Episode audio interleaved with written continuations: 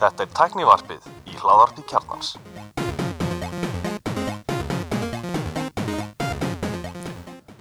Góðum við sælublassuð og velkomin í Tæknarfið. Ég heiti Andri Valur Ég heiti Marlon Fannar Ég heiti Bjarni Ben og ég heiti Börgur Jónsson og hvað segir strákar?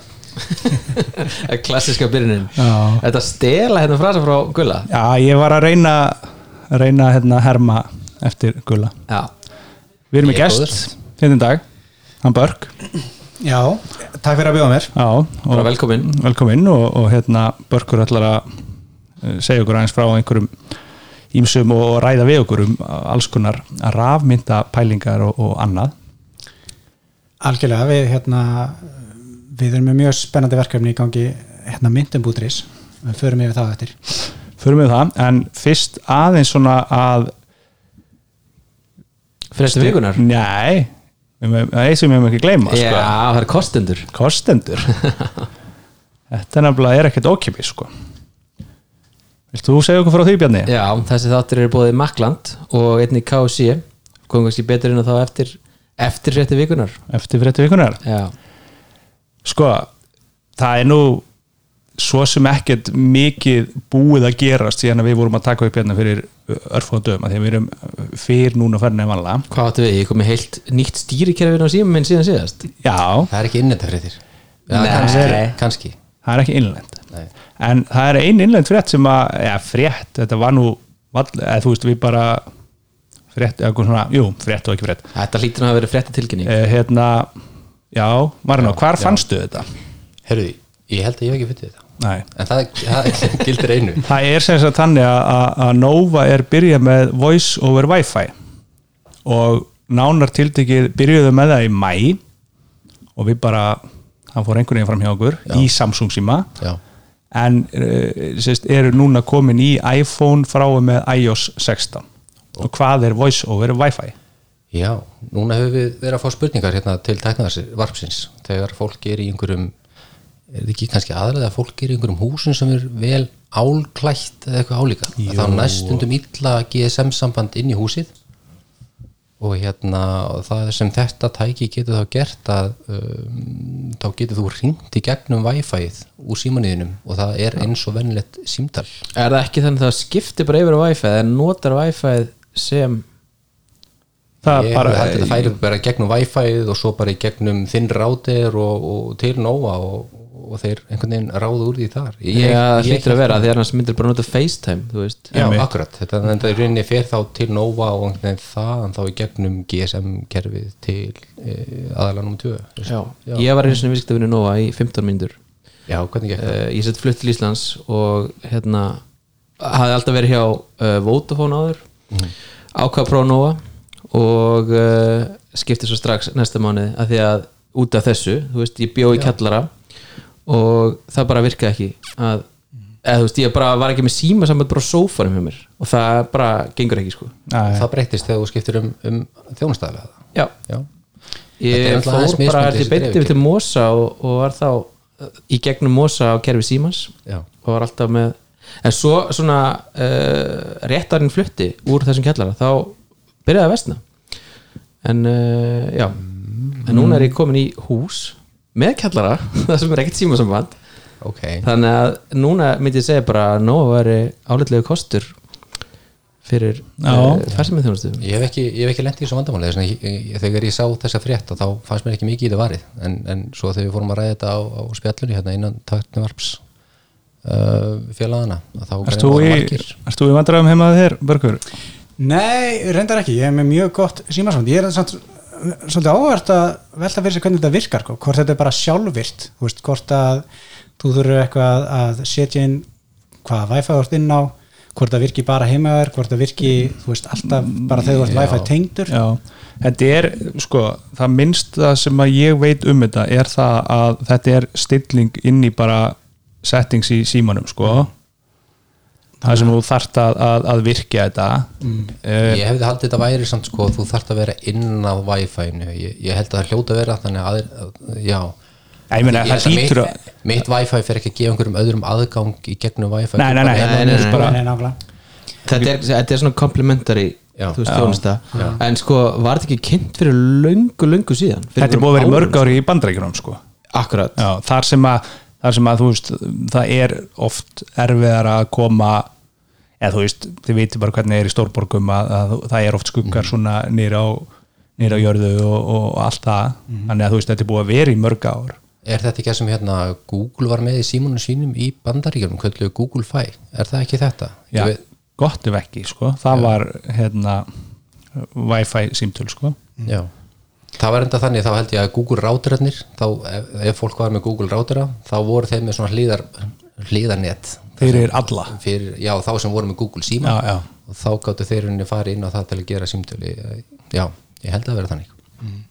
Já, Þetta er náttúrulega bara algjör snilt og er bara til þess að bæta sambandi. Ég held að þetta er bara frábært. Ég meina þetta er ekki verra en, en sko máli er að, að þú veist, enn og aftur er Nova skrefi á undan hinum fyrst að, kynna nýjungar og, og, og færa þær fram. Ekki, þú veist við þekkjum alveg fjarskiptafyrirtæki sem að hafa oft og tíðum verið fyrst að kynna nýjungar en að taka þær í gagni hins vegar hefur ekki alltaf reynst jafnvel sko. En máli er að þetta er aðeins flóknar eins svo að fyrir eins og uh, síman og Vodafone að taka þetta yfir að því að hérna e, Nova er búið að vera núna lengi með sko Volte Voice over LTE meðan að, að sko símin og Vodafone er að keira, keira þetta nýr í sko þegar eftir símtali þrjákja þú veist, ég til dæmis er hjá Vodafone. Haf, og Berni þú líka það ekki? Nei, nei, ég er hér mósa núna. Út hjá Mosa, eru þið hjá Vodafone? Ég, ég er hjá ringdu út hjá Ringdu, já, já, er Mosi. Já, ok. Ég er hjá Nova núna. Út hjá Nova? Já. En sko það er hjá Vodafone og ég held að það sé þannig hjá Símon líka að stundum lendur maður í það því að þú veist Símon keiri niður úr 5G, 4G LTE niður í 3G til að taka símtöl. Og ég hef alveg lendið í því að ég þurfi að nota netið á meðan ég er í símtali þá virkar ekki. Já, já, en þú veist það er ekki, yfirleitt virkar það sko en það virðist vera ef ég er komin á einhvern ég veit ekki hvað er, einhvern sendi sem að er gamall 3G sendir eða whatever en þú veist, eitthvað, eitthvað ræði því að, að, að þú veist, ég hef alveg lent í því vera kannski í símanum og ætla að kaupa mér hérna miða í strætó eða eitthvað og bara ég þarf að skella á kaupa miðan og ringi aftur. Já, ok. Þannig að þau eru með öðruvísi uh, uppbyggingu á kerunni sínum frá bara gammalli tíð og þar lendi er þetta miklu stærra skref fyrir þau að færa sig heldur en er fyrir nóga sko. Einmitt. Ég, ég er enda að segja fyrir mitt hluti, ég er líka lent í þessu þetta er alveg sérstaklega í sko kælinum í bónus að vera að tala í síman og vera á netinu á sama tíma, þetta er alveg Akkurat. skjálfileg upplifun sko. já, og hvenar þarf maður að gera það á öðrum tíma en heldur en akkur þetta maður ringi kona, hvað áttu eftir að kaupa? Og ég reyna að skoða listar á netinu. Akkurat þetta synga listan sko. En var eitthvað fleira svona í fréttum? Jú, herðu, eitt hérna eldsnögt. Sonos Sub Mini. Þetta er eitthvað sem að, að margur hefur beðið eftir.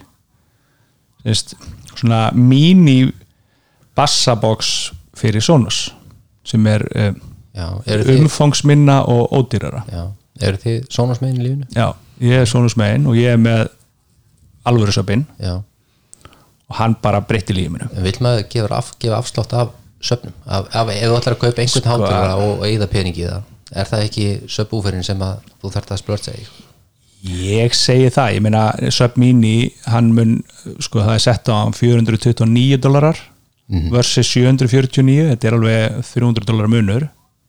Já, rúmlega. Ég er ekki hérna. Ég, getur maður ekki spara einhver annar staðar þessar 300 dólarar kaupir þá ekki Sonos- Beam og Son- Sonos hvað heitir þetta, Sub Mini? Já, kaup, já, þetta heitir ég- Sub Mini, Beam jú, sko Beam er Beam, og- Beam og Sub Mini er einhver myndi kalla það verkamann útgáfan en, en það er líka bara eitthvað ef þú ert með mjög nei, er ekki verkamann útgáðan einmitt það sem þú ert með?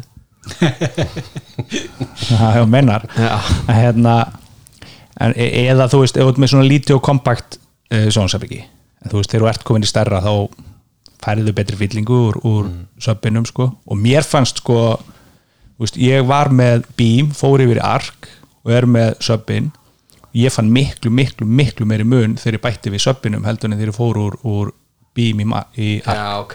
Já, og veist, atmó, atmósið og allt það sko, það er alveg fínt og er bara magna en bara, þú veist, að vera með bassan, það bara gefur þessu allt aðra upplifun sko. ég er samanlega því.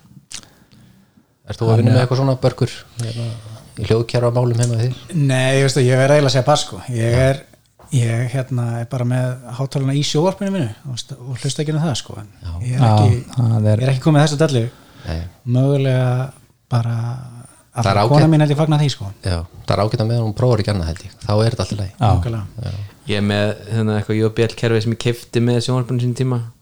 Og það er alltaf bara á voljum 1 eða 2 og bassin er svo lágt. Það, er heyrir svo mikið ég set býður að þessu, það heyrir svo mikið á milli að ég er ekkert að ángra nákvæmlega eitthvað rosalega mikið. Nei, það er og svo náttúrulega er barn líka svo oft þegar maður er að nota þetta stöð já, það er kostur að hafa svona nágrann eins og þig sem að, að Já. hugsar um um hinu nágranna Ég á félagi sem kefti mig hérna bara hérna Apple, hvað heitir það, Max heyrðintólin fyrir alla fjölskylduna. Þau sitja allir upp sófa Max. og hérna, allir með Airpod Max. Nei, Ú, Já, það er það er svolítið dýrt. Já, já, Já, Það er Já. sex- 600 dólar stykki eða eitthvað Já, ekki, um 100 Jú, skall, þetta er ekki eða um 100 skall. skall. Já. Þannig að þú þurft að skrifa ávísun og byggja kaupmannum að leysa hann ekki út fyrir Herðu, já hérna. eigum að vinda okkur í næstu næsta dagskrár efni? Já, iOS 16 iOS 16 já, Eru búin að segja það? já, Og? Ég er brálaður nú okkur af því, ég er reyður kemur ekki upp uh, þessi ömulegi galli á stýrikerfinu sem er búin að vera núna í nokkur ári röði í, í Makkos að region formatið fer allt í rugl. Mm. síminn skilur ekki lengur mánudagur og þriðudagar hvað áttu við? Að þú veist á hérna lockscreen já, það stóð hjá mér þriðjudagurinn 13. september Ertu ekki bara með þetta stilt á ennsku? nei, nei, þetta er þetta er galli sem kom upp fyrir sko þremur eða fjórum útgáfum síðan í Makkos bara allt í Ég- einu hætti stýrikerfi að skilja þetta og sem að, þú veist skiptir einhver máli hvort það standi sko Monday eða Tuesday eða Monday eða þriðdagur skilur á lockscreen. En, og ég veit ekki hvort þetta komið til með að skipta miklu máli í símanum. En í tölvunni þegar þú ert að vinna í þú ert að gera í Excel eins og, eins og tvíþaði sagði og þú veist, þú getur ekki skrifa mándag þriðdagar og, og dreigið niður og fyllt út. Af því að, að því að kerfi skilur það ekki sko. já, ég sem mikill andstæðingur íslensku ég hérna, fagna þessum galla. Já. Þetta er Glata já, nei, nei, hérna loksinni mitt er öðru sem núna. Það er, uh, hausin á drengnum mínum kemur aðeins svona yfir hvað klukkan er. Já, og það breytti lífinu bara. Já. Og var, var, þú myndir segja að þessi nýju fítus hafi verið alveg sverði já, já, já. Góður fæsla Nei, ég, er ég- endar, ég er enda að segja fyrir mitt leiti ég hérna lendi í óbyrði, ég bara tókst að skemma síma minn bara algjörlega fyrir svona þremdugum síðan. Og ég er núna bara vöðlast um með einhvern Android álk þessa dagana. Og er bara að býða spenntur eftir að iPhone 14, 14, komi, í, já. komi í veslanir Í, í hvaða típu ætlar ég, ég hugsi ég fari bara í venlega típuna sko. Bara í 14 Classic? Já, ég held að.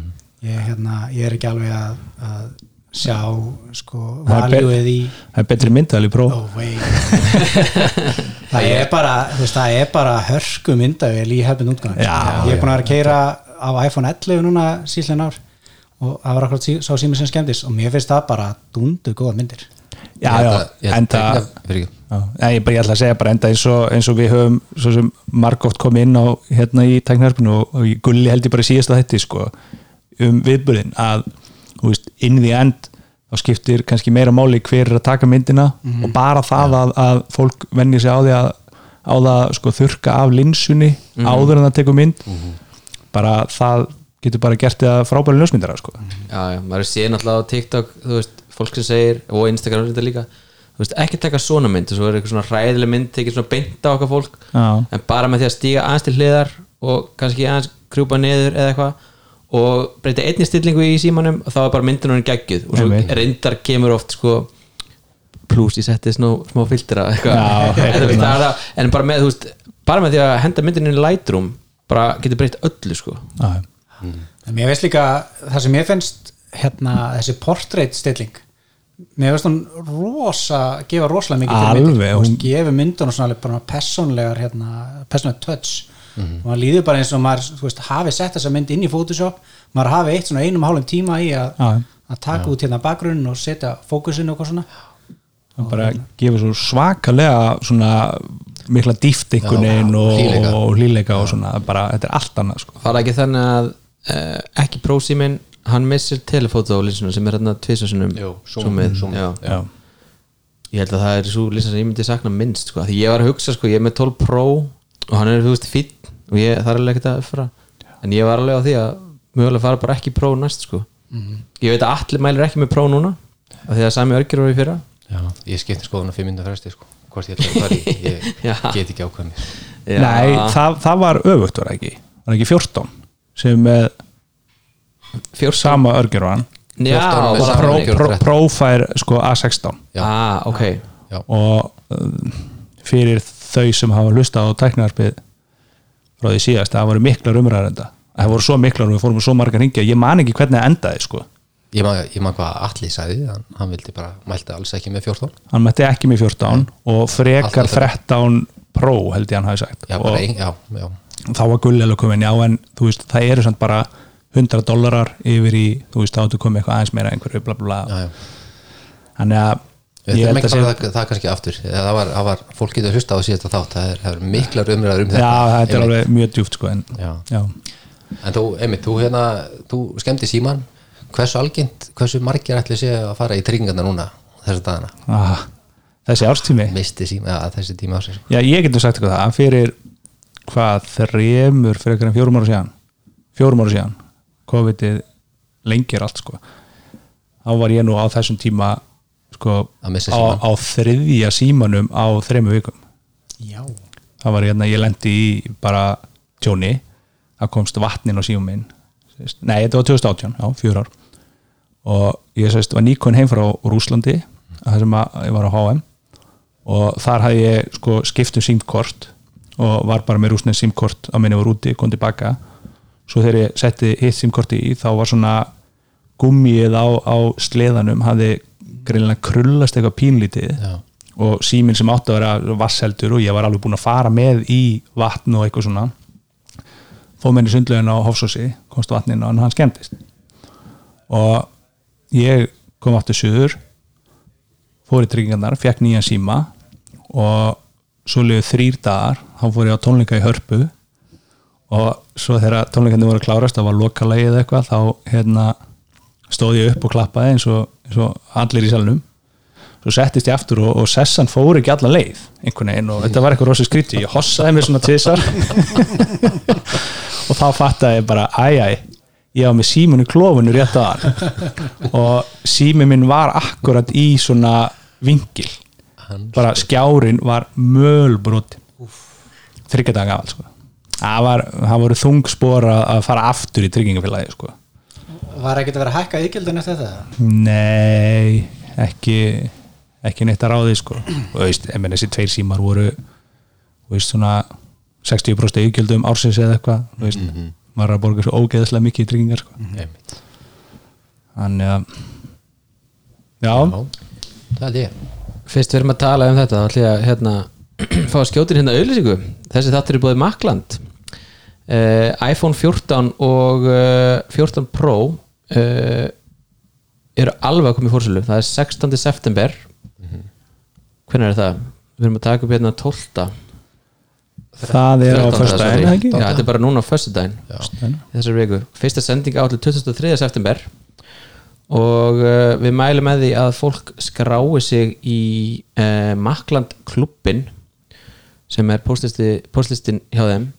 Uh, aðlagna þess að hérna, þú fær ekki bara hérna, tilbóð uh, það er hérna, mögulega að vinna 10 skona gjafabrif vikulega 250 skona gjafabrif í Makland uh, tvisur ári og forgangur þegar kemur að forsölu til dæmis nýjum iPhone. En ég er bara, ég er bara að fara að gera þetta. Ekki? Já. bara, bara strax og upptakan klárast. Nákvæmlega. Já, þetta er bara að fara á makland.is þá er þetta bara hérna í haustnum á síðunni ég, ég, með, ég var að þetta eru tíu dagar þá þangur til að hangdelda lendir. Ég var einn búin að gera ráð fyrir sko tveim vikum, Já, þannig að þetta er bara gleðafréttir já, þegar fólk spyrir mig hvernig kemur nýr iPhone þá segir ég alltaf oktober sko. Já. það er greinlega bara liðin tíð, þetta er bara loks eftirber já, ég hef einmitt verið að vinna með það sko, svona ekki að, að blása upp einhverja vonir sko, svona það er enda mánamótin, mánamótin, gott, væntingastjórnin sko. sko. Já. mjög mikilvæg Akkurat. Akkurat, Herjá, þakkum Makland fyrir stuðningin þakku makland fyrir stuðningin og, og það verður nóg að gera þar á næstu vikum þegar að koma hvað, fjóri nýji símar? Þrjú nýj úr? Já, og nýjir Airpods? Já, ætli að fá ykkur hérna síma Eh, úr og airpods. Ultra úrið. Rugged útgáfana. Ég er inni kissi þannig að ég ætla ekki að gera það nei. Nei, Einmitt, ég eiginlega henga alveg bara frá töluna sko, þannig að ég er ekkert mikið út að klifra sko. nei, Þú ætlar að fara í þetta, var það ekki? jú, jú, ég fer Varst yfirlíka glæður hérna í sísta Já, já, ég, það þarf einhver að fórna sér. E, Ganga sömu ólar á þetta úr? Nei, eru Þú verður að fá hérna útvistar típu Þú ólar verður að velja, það eru þrjár ólar í bóði en mér skilsamt sko að það séu öfugt. Það er að segja sko ólarna sem ganga á þetta ganga á venlúrin ég er allan að ég var eitthvað að horfa á hérna, eitthvað YouTube myndband sem síndi þetta. Já, ok, það er áhugavert að því að ólarnar, sko, ég er náttúrulega bara sem myndir af þessu, sko, ólarnar virka svo svakalega breyðar Já, að, að það væri mjög áhugavert að vera með sko úr sem að, og ólina fara nánast í að breyða, sko. Með, með reyndar svolítið flott ólin eða ólarnar sem eru þarna í, Það eru mjög flottar, Já. sko Það eru ógeðslega töff. Sagði ekki allir að þetta væri ógeð? Gulli Já. elskaði það Já, Gulli elskar þetta, allir var ekki samanlega já, já, það var þannig. Jó, það er ekki í fyrsta skiptið og ekki það síðasta. Já, byrjuðum að segja þetta hérna. Hva, Já, hvað hérna Óla ætlar að taka? uh, Við erum með hérna, er ekki kafara ólin, er hún ekki eitthvað rosa þykk? Jú, ég er svolítið hrættur við hana sko, veist, hún er örgulega fín þegar maður fer að kafa en ég er ekki jafn vissum að hún sé fín bara í þessu dagstælega amstri sko, þú veist, svona gummi og, og svoleiðis þannig ég var að spá í að taka hérna, ég er ekki einn svona útivistarók Jú, sem svona- er svona auðvitað svitna og svona jú, ég var að spá í að taka hana sko, karabínu Já, ég hérna, mæli með því sko, þú ert mjög sveittur. Nei, samt þetta Ocean Band þetta, Nei, þetta lúkar nú ekkert eitthvað rosalega. Svarta, en hún þarf samt að vera samt svolítið stór sko, því að hún er gert ráð fyrir að hún sé yfir uh, búning yfir sko. blöðbúning, sko. Já, þannig að hún þarf nú að geta verið ansi stór En byrjuðu, ert þú orðin fórstuðum maður? nei, ég tek þetta í öðru röð. ert að reyna að komast þangað, Já, Þannig að ég- það er svona, já, já, já, ok. þetta, er, hérna, þetta er halmstráði sem ég vantar til að fá mögulega stöðahækun Ég er myndið að fara að líta eftir svolítið núna hvernig úrfórstuðum eru með sko. já, já, þetta er þeir eru að vinna mikið með Garmin en, eh, og Það segir maður ekki fórstuðu fólk núna? Fórstöðu fólk og Já. þau. En já, já, eigum við að skella okkur í mál máluna Já, Ég held það eru bálkakeðjur og og raf, alls konar. Börku, hvað segir ykkur? Þú hérna komst aðeins inn á aðan að uh, þið eru með eitthvað verkefni í pípunum sem að bara er að rúlla út. Já, við hérna sko við erum sem sagt búin að vera að vinna þessu síðastlið ár. Og þetta verkefni eiginlega fjallan er það að- að rafvæða íslensku krónuna. Okay. um, það er sem sagt inn í veit ekki, fyrir þá sem þekkja þessa, þessa rafmynda markað þá var menn kannski heyrt uh, rafmyndir svo sem eins og Bitcoin og Ethereum, það er svona tvær stærstu rafmyndar en á eftir þeim að þá eru hérna þá eru svona rafmyndir sem eru bara fast tengdar við e, dollara. Þannig að sko þriðjastæsta rafmyndin í heiminum er, er svo kallar rafdollari. Og ég var eitthvað að kíkja á þetta áðan að, að það eru sagt til fullt af rafdólarum uh, og þessar fjóru stærstu tegundur að, að hérna market capið fyrir þessar fjóru stærstu tegundur rafdólar er um 170 miljardar dollara. Já, og hérna þannig að þessi rafdólar eru rosalega stór hluti af þessum rafmynda heimi og það er þá kannski kvikari gjaldmiðl heldur en ég, þú veist Já, það er sem sagt sko rafdólarin er vel kannski aðalega bara sá dólar sem þú ert að nota þegar þú ert að kaupa þér aðra rafmyndir. Þú veist, þannig að ef þú ert að kaupa þér bitcoin þá ertu yfirlega að kaupa það fyrir rafdólara mm, þú veist uh, eins og á þessum hérna rafmyndamörkum sem eru bara risastórir að þá eru yfir þessi pör. Þú ert að kaupa bitcoin fyrir rafdólara eða ethereum fyrir rafdólara og svo framvegis og við erum raunverulega að gera bara íslensku útgáfun af þessu. Þar sem við erum að búa til svona íslenska rafkrónu. Og hugsunin er raunverulega svo að þú getur sagt skipt íslensku krónunni yfir í rafkrónu bara á genginu einu, einum á einum.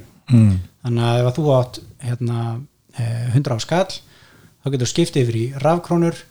Uh, síðan getur þú farið á hérna, bara rafmynda kaupöll og þú getur breytt þessum rafkrónunum yfir í skipt þá yfir í rafdólara og frá þeim tímapunkti eru þeir eiginlega allir vegi færi sko. mm. þannig að e, það sem við erum svona að reyna að ná fram með þessu er það að við erum að, að í fyrsta lagi að gera það ódýra fyrir Íslandingar sem að annarkvæmt vilja fjárfesta í, í hérna rafmyndum erlendis eða hreinlega ef að þeir eiga rafmyndur erlendis og fjallar um að koma með fjármunna heim að þá erum við að bjóða upp á sagt, bara ódýrari og hraðvirkari valkost. Mm.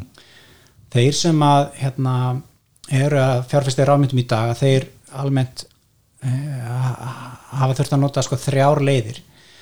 Það er, það er til svona íslenskir hérna, þjónustuvitundur síndafjár sem er að selja þér hérna annarkvæmt bitcoin eða ethereum. Og um, þar hérna er þjónustugjöldin svolítið há uh, og uh, síðan hefur valmögulega að þú getur sko sendt peninga yfir á þess að erlendu kaupallir mm. og gallin við það er eiginlega að þú getur annarkvátt nota debitkortið þitt. Og þá eru þjónustugjöldin sko mjög mjög hátt, þá erum við að tala um kannski 5-6% þjónustugjöld. Uh, og hérna hinvalumöluðin er að þú getur sko millifært peninga með svona svift eða sepagreislu, mm. en þá þarf það að býða þú veist í tvo daga eftir að fjárminnir koma frá ræðanlega þínu bankaringi yfir þessi erlendu kaupallir. Mm -hmm getur tekið upp í fimm dag þetta getur tekið mjög langa tíma. Og þetta er eiginlega veist, vandamáli svolítið sem við erum að tekla uh, með rafkrónunni. Þar að þú getur farið inn á heimasíðan okkar myndum.is, þú getur fengið rafkrónuna eiginlega bara instantly og svo getur nota rafkrónuna strax á, á kaupitinu og þú getur eiginlega verið komið með bitcoinin á veskið bara á nokkru mínútum sko. mm. og hérna og við erum að keira á rosalega hérna, lárið þóknun þannig að myndum er að rukka sér 0,5% e, þegar þú ert að skipta sko krónun yfir í rafkrónur og svo getur þú fært þetta yfir á hérna kaupöll þar sem að e, er verið að rukka sko 0,03% til og alveg niður í 0% En hvers vegna er það? Hvers vegna getur þið bóðið svona hagst að kjöra á þessu? E, við erum raunverulega í fyrsta lega ekki nota neina milliliði. Þannig að við erum svo sem bara að gefa út þessa rafkrónur alveg sjálfur við erum búin að forrita okkur inn í þessa bálkakeði uh, við, og við notum sagt, hérna, bálkakeðina Solana, ég veit ekki hversu djúft við viljum fara í þetta. Mm. um, en, hérna, en það er kannski svona aðal, aðal ástæðan fyrir að við getum hérna, búið þetta á, á læra verði. Að uh, við erum ekki raunverulega að við erum ekki með neitt samning við eitthvað erlend fyrirtæki sem er að afvita okkur einhverjar, einhverjar rafmyndir, heldur við erum bara búin að forrita þetta einn sjálfur og um, þetta er náttúrulega virka þannig að við við sem sagt seljum hérna, eða rafmyndasögur Íslands sem gefur út þessa rafkrónu og, og ef að þú ferð inn á myndubúðuris kaupir rafkrónu fyrir 100 áskall að þá er þessi 100 áskall að undaskildin þess að þóknun sem er tekin að hann er bara geimdur inn á bankareining þannig að fyrir allar rafkrónur sem eru út í umferð þá er alltaf ein króna sem að býði þín bara í bankan mm. og ef að þú vilt skipta ofta tilbaka þá er það bara alltaf hægt mm -hmm. og hérna Þannig að þið eru með hennan gullfóturinn eins og hérna hefur verið afnuminn í bankakerunni Já, nákvæmlega, þú veist mm. við erum hérna með munhæri bindiskildu kannski heldur en, heldur en íslensku bankanir sko -hmm. eh, og, og sagt, við erum með hérna við erum að klára að ljúka samninga við hérna, lögilda endurskóðunda eh, og ættunni er sem sagt að það verður bara lögildur endurskóðundi sem að sko kannir umvel bara sjálfstækt hvað er mikið á rafkrónum út í umferð mm -hmm. og, og, ber, og er síðan alltaf bara með skoðunargang að e, þessum bankaregnum félagsins og getur þá bara staðfest bara sagt, sjálfur að það er svona mikið í umferð það er svona mikið inn á þessum bankareiningi og þetta er fjárað sem ásend bara alltaf að stemma mm. veist, það er alltaf að vera nákvæmlega sama fjárað inn á þessum bankareiningi eins og er út í umferð. Já, Já, það sé bara þessi guttfótur til staðar. Já. Og- þetta er svolítið sniðut ég er hérna ég, ég er hérna svona að mæna heima með mér svona mm -hmm. mig eitthvað skjákort og, og er að mæna og, og kom mér á óvart í fyrst geti sem ég fór að leysa út eitthvað að þessum, að þessum hagnaði. Að þá hérna þurftum, vissi ekki alveg hvaða leiði þetta að fara og ég endaði með að færa peningi minn af veski lokali inn á okkur á kaupöll þar uh, gat ég ekki fært, þeir vildi ekki taka kreditkort mitt, þá verði ég að færa peninginu á aðra kaupöll og uh, það lendi ég við sem líka ég endaði að fara með þetta þaðan í Paypal og nota Paypal til að borga inn um kreditkort mitt. Og þegar sko í, í lokin þá borga ég 10% af því sem ég ætla að taka út bara í gjöld. Að því að færa þetta alltaf svona milli? Að því að það færa mig, já, alltaf kleipið svolítið af sko. Já, já. en það er náttúrulega bara þannig að en hérna, getur ekki setta bara beintin á Coinbase eða Binance eða eitthvað slíkt? Já, það var inni, ég fór fyrst inn á Coinbase það, nei, eða Binance, ég man ekki alveg. En það, já, en það, það er inn í leiðin sko, og þar hefði ég getað farið í gegnum eitthvað svona sepagarislu en ég, ég er óþjóðan móður, veit ekki hvað peningi strax. En, hvaða hérna, mynd er þetta mæna? Ég er að mæna í Ethereum og ég byrja nú við, það er 13. í dag. Tveitar eftir og þá er það ekki lengur hægt. Einmitt. Alveg rétt. já. en, en til þess segjum að ég væri með hérna í þeirrum sem ég er að mæna heima mér. Og það er í þeirrum á sem, Ether sem ég er að mæna á í þeirrum uh, blockchainu um, til þess að geta að fara með það til ykkar þá þyrfti ég að fara í gegnum brúi það ekki því að þannig erum við á einni, eh, einu, einu blockchain sem myndir í þeirrum þeir og Solana. Get ég Sko, ég, ég hefði haldið að, að ef ætlinu væri bara að koma með fjármunna heim til Íslands og setja það bara á íslenska bankabók að þá var líklegast bara best fyrir því að fara með þetta í Ethereum bara á Binance, selja Binance yfir í, yfir í hérna USDC þú getur tekið út USDC frá Binance uh, á, og beint inn á Solana blockchaini Já, þeir geta verið, já, akkurat, þeir geta verið þessi brú millilið, milli- já, og Já, þú gætir alveg líka þú veist, hérna, notað um, þessi þessi, þessi hérna nú bara datt út með hvað þetta heitir svona whirlpool sem er að breyta eða transforma sko í þérum þannig að það hérna um, kemur út sem, sem svona rapt ekki, já, það, Já, já, svona það er rapt. svona rapt í þeirrum Já, nákvæmlega. já, það, þú, þú gætir líklega að skert það fengið vrapt í þyrjum yfir á Solana Já. og svo gætur selt það bara inn á hérna, inn á serum Mhm. og fengið þú veist sé sem þú getur breytt yfir í rafkrónur og fært það svo yfir í Þi, þeir eru með hérna þetta er einmitt kannski svona alveg áhugaverður umræður um allar þessar keðjur af því að þetta er, sko blockchain er flókið og það er hérna því meiri sem hún lærir um þetta þá hérna það verður ekkit einfaldara alveg strax sko. Maður, það, er- þetta eru dýpra og dýpra og dýpra. Og hérna uh, það sem ég finnst líka uh, nú, þarna fór þangagangurinn alveg. Ég skýta á inni hérna á meðan. Hérna þeir eru að nota Solana segiru Já. sem hefur verið svolítið svona umdilt hérna, umdilt network ef maður orðar það þannig. Algjörlega. Um, það er alltaf kostur með að það er mjög hratt. Þú getur farið með margar uh, svona transactions á, hvað var ekki, mínútu? 60.000 60.000 eða eitthvað leys, var það ekki? Já, það gefið upp held í 50.000 á sekundu. Já, en uh, er það alveg uh, decentralized, það er að tala um þetta sé að hluti, eða svona, já þetta sé í rauninni bara centralized, bara eins og einhvers konar selbanki eitthvað slíkt. Og að uh, svona nýlega þá hafi kerfið leið niðri Já, í einhverjum tíma og svona. Það er svona kannski helst gallin við það. Mjög góða punktar.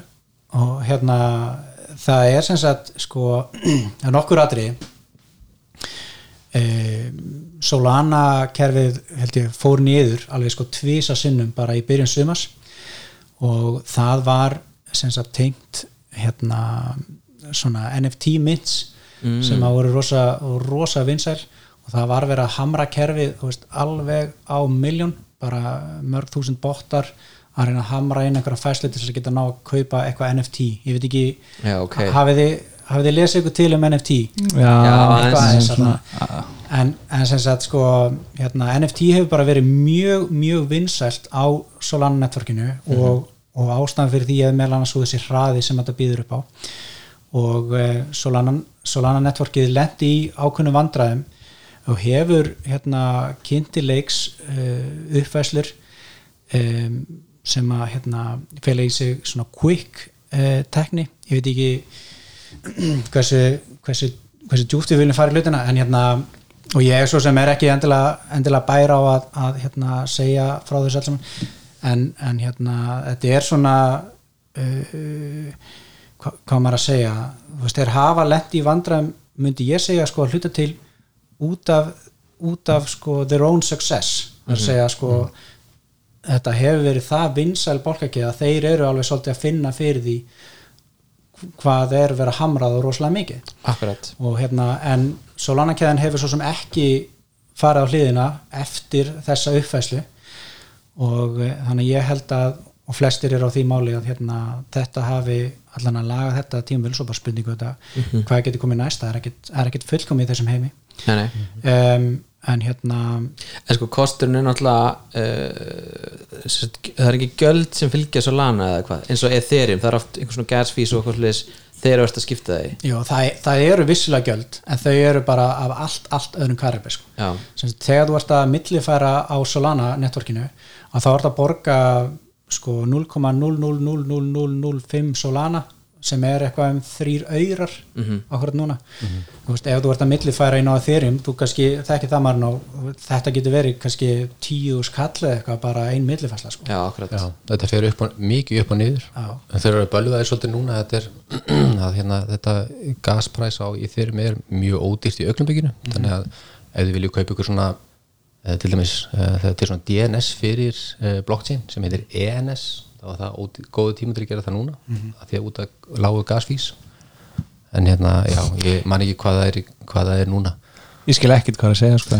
Sko, Haldið já. bara áfram. Nei, nei, þetta er áhugað sko, því að þú ert með veski þú veist, það, það er allir með hérna rafveski og ef ég ætla að segja við því að Andri, leðum innum með 500 kall fyrir þetta kók sem ég keypti fyrir það mm.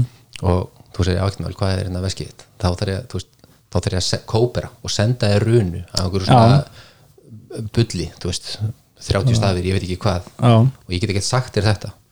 En eins og DNS virkar í, í, í tölvuheiminum að þá hérna er DNS bara að vera að fela eitthvað IP-adress á bakvið tölvuna kunna bara IP-adressur en við, við erum komið með þetta DNS að þá hérna þá kefti ég marno.eth þannig að þá getur bara sagt það eru Já, og þá þarf ekki, hérna, þá þarf ekki að senda þessar runu sem er bara ómöðlegt að, að leggja já, með já, sko. já. Einmitt. og það er, það er nákvæmlega sama til í Solana, ég er til þess með burger.sol já. og hérna þetta er þetta er game change sko, þessi veski eru mjög flókin eða, sko, veski náttúrulega eru bara ekki gömul. Veist, eru, þau eru svona frekan íkomin og þróun á þessu er svo rosalega mikil og það, það er mjög gaman að, hérna, að fylgjast með, með því sko.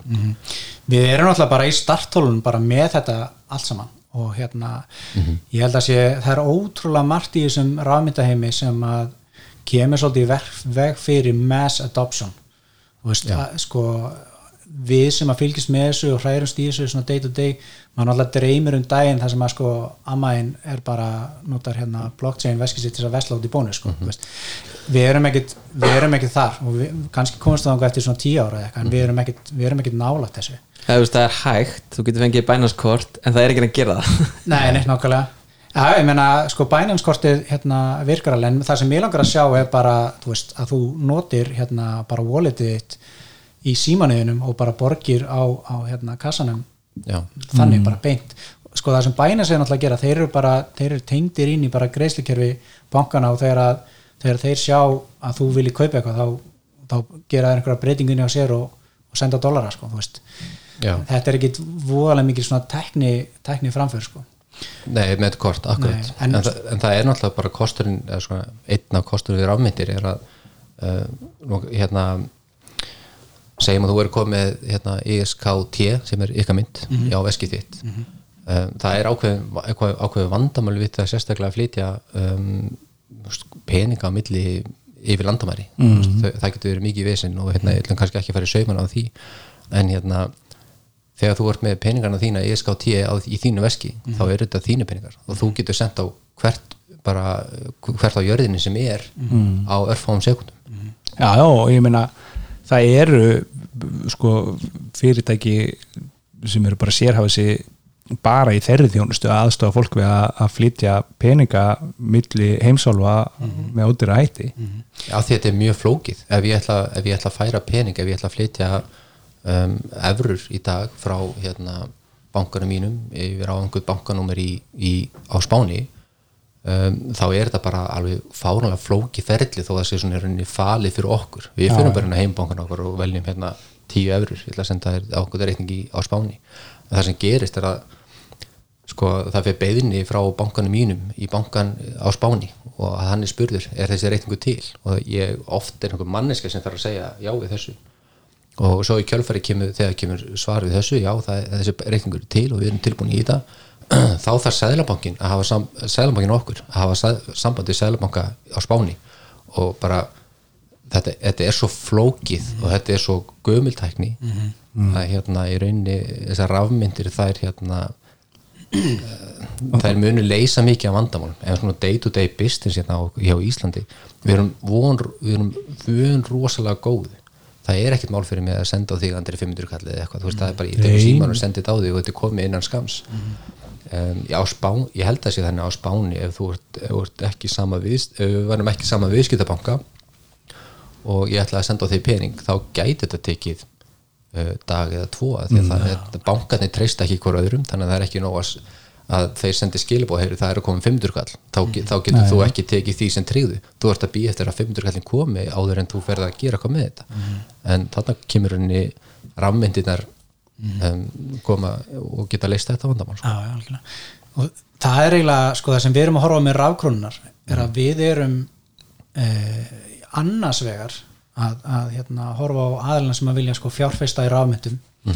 Eh, og, og hinn hin pótluna hæðinni er ymmit okkur að þessi að þetta getur vel verið til þess að aðstofa íslensk fyrirtæki sem að eiga einhverjum viðskiptum við erlend fyrirtæki hvar sem það er í heiminum eh, að stunda viðskipti með einhvern- eðlan máta. Eh, það er hérna bara nákvæmlega eins og þú lýsir að hérna, það eru bara mjög mikið vandamálum í bankagerunum um að millifæra peninga og sérstaklega að milli landa, getur ekki marga daga getur verið mikill kostnæður, sumutölun er það bara hreinlega ekki hægt. Og, og ég held að raf, raf bæði raf krónun og raf dollarin getur hérna auðvitað, spila mjög stórum hérna, st- stóran part þar þar sem að sko viðskipti í, í raf dollarum þau eiga sér stað bara á einni sekundu og þú er bara búin að klára fæsluna og peningurinn komin sko. Mm. þannig að ég held að hérna, þetta er svona ákveðin svona bara framtíð sem að við svolítið sjáum fyrir okkur. Ég held að hún sé ekki komin í dag svona ekki, ekki að miklu leiti ég veit þó til dæmis meni, ég, ég starfa bara ég, ég starfa sem hérna, sjálfstæðstafandi lögmaður og uh, við hefum fengið kúnuina lögmastofuna sem er að eiga viðskiptum uh, við, við aðalega erlendis þar sem að bankakerfið er bara hennilega kannski ekkit, ekkit hérna, upp á marga fiska og, um, og þá hafa aðalega stundum bara greipið til þess að, að eiga viðskipti í bitcoin.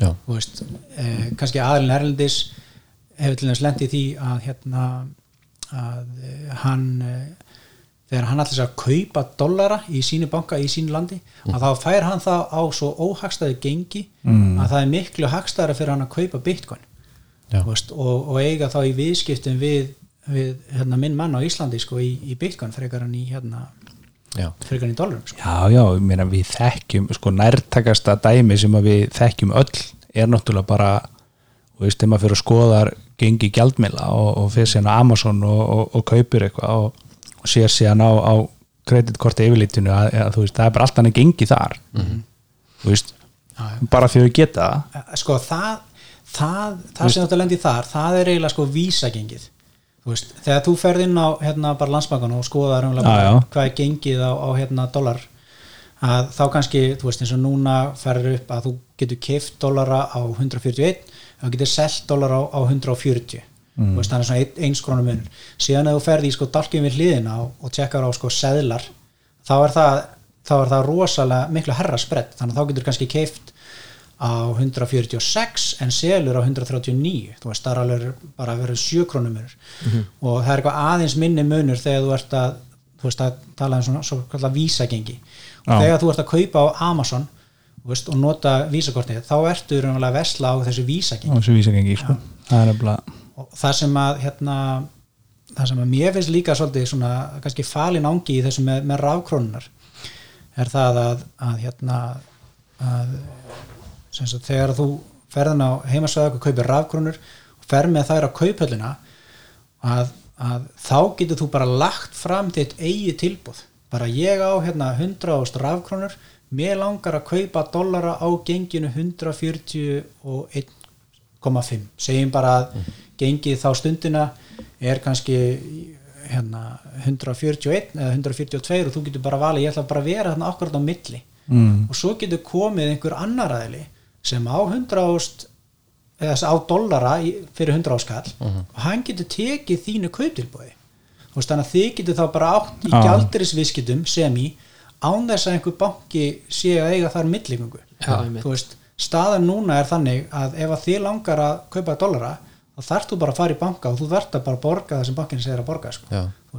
En þarna eru þá konum með svona venue þar sem að bara einstaklingar geta bara átt þessi viðskipti án, án millingungu og sjálfur ákveði verði Þetta er þá, lefum við að spyrja hérna, þetta er ákveð svona, uh, svona liquidity pool, eða ekki, sem þið eru með, uh, þið, þið, það er eitthvað sapn af ESKT þarna undir á þessu hérna, svæði. Já, sko eins og við erum með þetta uppstilt núna eins og við erum með þetta uppstilt núna þá er hérna þá erum við með þetta svona viðskipta vaka við erum vel með bara svona bot um, sem að er með ákveðið, ákveðið mikið af dollarum og ákveðið mikið af rafkrónum Já. og hann í raun og veru er núna að stilla upp bara sölutilbúðum í samræmi við hvað gengið er á, á hjá bönkunum og kauptilbúi í samræmi við hvað gengið er hjá, hjá hérna, bönkunum líka.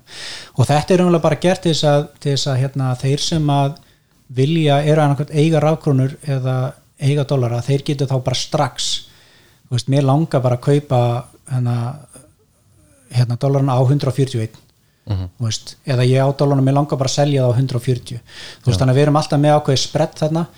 En, en hérna og, og þetta er umlega bara inn í svona kaupöll, þar sem þú getur bara lagt fram kaup og sölutilbúð eins og stendur.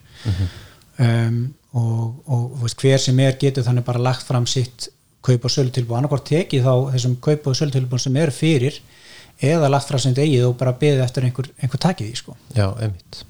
Og eru þið með þá, þú veist, það er er djúft á þessari þessu púli hjá okkur? Get, sko, við erum bara fjársterkur aðeili komið og farið með krónu sinni í þetta og, nákvæmlega, sko, eins og er þá erum við bara í tilhörnafasa ég held að eitthvað núna er bara held ég einu og hálf miljón eða eitthvað inn á þessu. Þannig að við erum ekki að tala um einhverja risastóra fjárhæðir í þessum hérna, tilhörnafasa en svo erum við bara í viðræðum við hérna, nokkra fjárfesta um að einmitt setja, svo komið fjármagn í þetta. til þess að tryggja raunverulega að, að þú veist, þó þú sért vilja skipta 50 miljónum eða 100 miljónum þess vegna að, að þú ættir að geta gert það. Og eins og er að þá erum við náttúrulega bara með opið fyrir einstælinga Já, já, já, og hérna þannig að sko þegar að uh, við uh, getum opnað á að, að taka við viðskiptum við fyrirtækjum Mhm. að þá, þá er þetta ákveð, ákveð hérna atrið sem við þurfum að vera konum með. Að því að fyrirtæki gerir náttúrulega bara kröfum það að það þurfa að vera liquidity í þessu. En svo er náttúrulega annað hérna, dæmið það sem þú varst að nefna áðan eins og með svona liquidity pools. Já, að hérna, það er eiginlega svona það sem að sko heillar mig alveg útrúlega mikið við rafmyndunar að það er svona það sem heitir decentralized finance. Eh, og heitir á íslensku svona dreifistýrð fjártækni ef að svo maður svo maður segja. Og svona liquidity pools að þau, þau virka þannig að, að hérna að eh, þá er sem sagt inn á bolkakeðinu er svona er svona hérna svona smart contract eða reynulega forrit uh, sem að uh, er reynulega bara svona eins og hérna hvað maður að segja uh, bara svona eitt póki þar sem að þú getur lagt inn sem sagt rafmyndir þannig að segja eins og einu pókunum þá væri rafkrónur og rafdollar og þú, ef að þú átt bæði rafdollar og rafkrónur þá getur þú lagt þetta inn í þennan póka og e, þeir sem að eiga til dæmis bara rafkrónur og vantar að skipta yfir í rafdólara að þeir geta þá sko átt viðskipti við þennan póka ef að svo mára komast og hérna og, og bara skipta þessu strax og, og hérna, borga síðan einhver ákveðna þóknum fyrir það.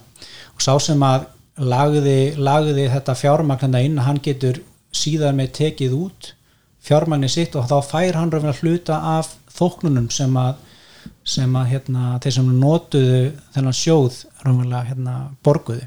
Já. og þetta þetta er raunverulega líka hérna e, ákveðið atrið sem að við erum að, að vinna í að, að, að hérna, bæta við. E, sko e- eins og stendur og þá erum við sagt, eins og stendur og þá verður raunverulega að nota þessa kaupöll og hún er hún er, skulum við segja og ég viðkynna það alveg að hún er alveg svolítið fyrir lengra komna. Veist, ef að þú ert að stíga þinn fyrstu skref í rammyndunum þá getur það verið svolítið, svolítið svona overwhelming að, að sjá þessa kaupöll þar sem að þú sérð öll, öll kauptilbúðin sem er í gangi og, og viðskiptin sem eiga sér stað og, og, hérna, og, þú veist að leggja framsetið í kauptilbúð og hvað það þýðir og, og allt Já. þetta getur verið svolítið, svolítið mikið. En, en hérna Einmitt, með rauninni viðmóti sem liquidity pools er rauninni mjög einfalt. Það er bara hérna, þú fær bara að glugga og þú velur hérna, þú veist uh, rafmynd A og rafmynd B og þú fær strax gengið. Þú veist, þú segir bara hérna, ég, ég er með svona marga íslenska krónur þá myndu fá svona mikið af dólarum skipta, það, er, það er ekkert annað veist, það er bara tvö inputs og það er bara mjög einfalt sko. Það er, það er alltaf aðeins dýrara veist, þannig að ef þú notar svona, svona liquidity pool þá ert alltaf að borga svo sem alltaf aðeins herri þóknun og hérna en samt er þessi, þóknir er rauninni bara uh, hún er svo lítil með hvað við þekkjum í dag í svona þessum uh, hérna, heimi eh, of, í, í flestum tilfellum. Og, þú veist, ekki óalgeng þóknun kannski á 0,2 til 0,3% eitthvað slags en, hérna, þetta er líka sko þegar að þetta verður komið að þá sjáum við líka svolítið fram að það að, að það verður alltaf komin meiri ástæð til þess að sko eiga rafkrónur.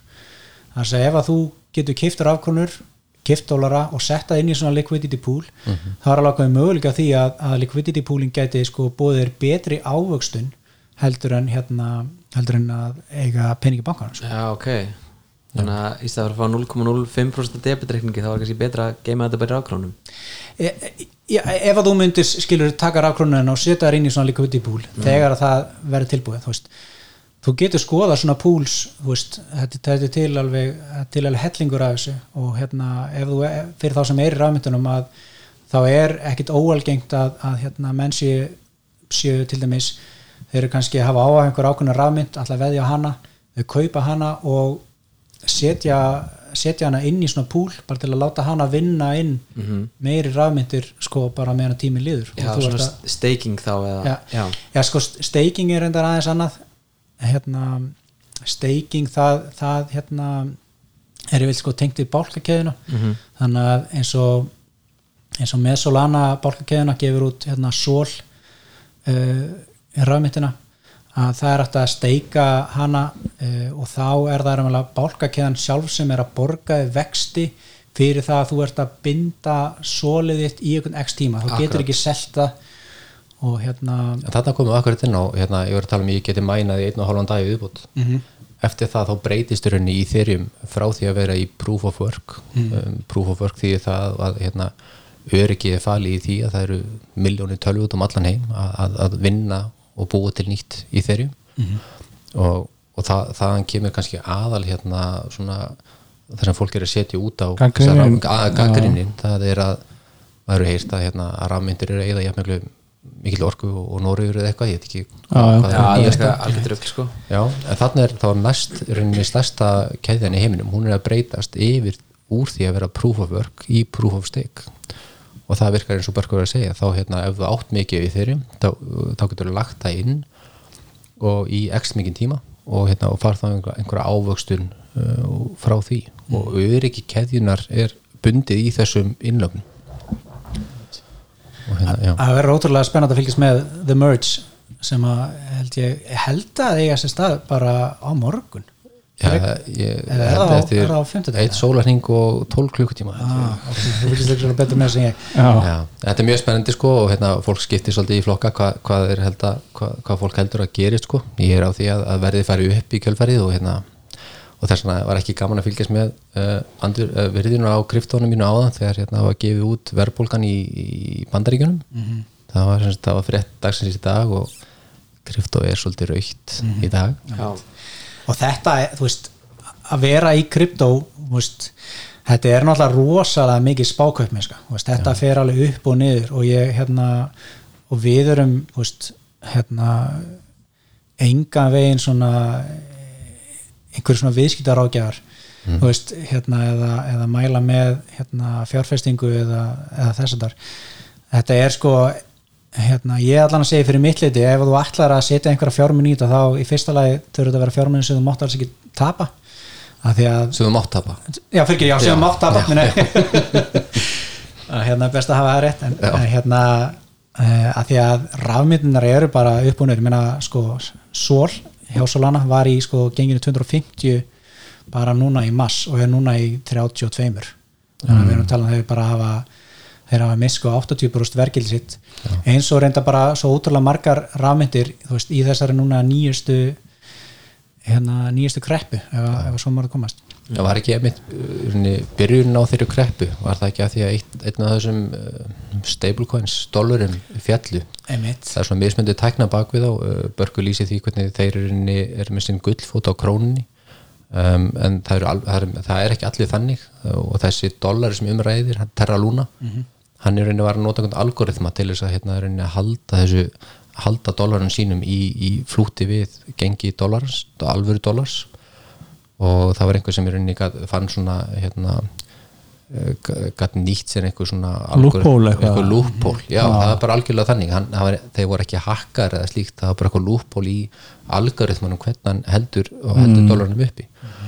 Og í kjölfærið þá hérna hríðfjall þessi dólar, hann var einn af þessum þreim fjórum stærstu. Og hérna og þá verist vera sem bara fólk misti algjörlega trú á uh, krypto eins og það leggur sig. Mm. og þá kom bara al, al, algjör trún í kjölfærið sko. En það minnir á, minnir á hérna muni eftir fyrir nokkrum árum það var einhver, einhver snjall gaur sem að fann einhverja svona einhvern svona lúpólega veikleika í, í sko hlutabrifamarkanum í bandaríkjanum það sem að það er orðið rosa mikið að bara einhverjum sjálfvirkun tölvum sem að sko um leið og að kemur tilbúð þá eitthvað jari jari Já. og hann semst fann einhverju svona leið til þess að, að þú veist, hann gerði eitthvað stórt tilbúð dróða síðan tilbaka og þá voru tölvutnar ekki nógu snöggar að breyðast við aftur mm. þá hafði það einhver svona sveiflu áhrif Já. Og þá gæti hann komið aftur og keift lægra eða selt dýrar, ég man ekki hvort þetta var sko. Emmitt og veist, byrjaði bara smátt. Já, hann, leikur, hann leikur rauninni bara á algoritman. Hann er að leika algoritman Já, sko. já. og, og það voru mikla pælingar um sko bara veist, er þetta þú veist, er þetta bannað? Eða þú veist, er hann að brjóta bersýnlega einhverja reglur sko? Eða er, er þetta svona eða þú átt að vita betur og þar leðandi ert að brjóta eitthvað bla bla, ég man ekkert hvernig þetta en þetta var svona í, í, í þessa veru. En talandi um kryptó og, hérna, og fjárfestingar, auðvitað er þetta þú veist, maður getur ekki mælt með einu en einu og, hérna, og þetta er bara eins og, eins og jójó upp eða niður. En svo líka er þetta að setja svona svo getur maður að tala svolítið um að að þetta skiptir í, tvent, það er þessi blockchain tekni og ég erum bara að nefna það hversu þægild er að flytja pening á milli mm. rafveskja og, og þarfandi gautunum og hérna og þessi íslenska króna þau ESKT það er náttúrulega engin, engin hérna, áhætta í því. Það ætti ekki vera það að aðurinn að kaupa hana. Hún er ekki að fara upp eða niður. Þetta er ekki, Nei, nei, hún er bara- rafmyndi, þetta er ekki eins og í þeirri með bitcoin. Já, ég ætla einmitt að spyrja því, þú veist, þetta er, er þetta þá í rauninni ekki rafmynd eða hvað?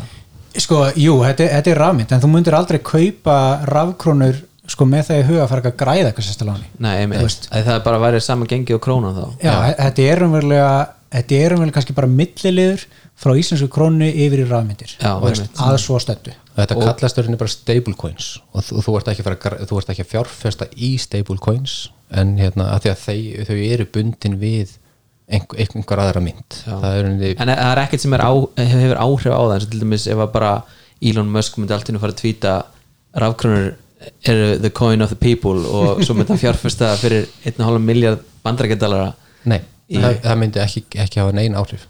Eina er bara að þú þart svolítið að hérna, það er til margar, margir sem sagt, stablecoins dollarar og þart kannski að vita ef þú ætlar að fara að nota þá eitthvað eða setja stóra fjárhæðir í þetta á, leið, á leiðin eitthvað annað þá þarf það kannski að kynna þér hvað er á bakvið þetta.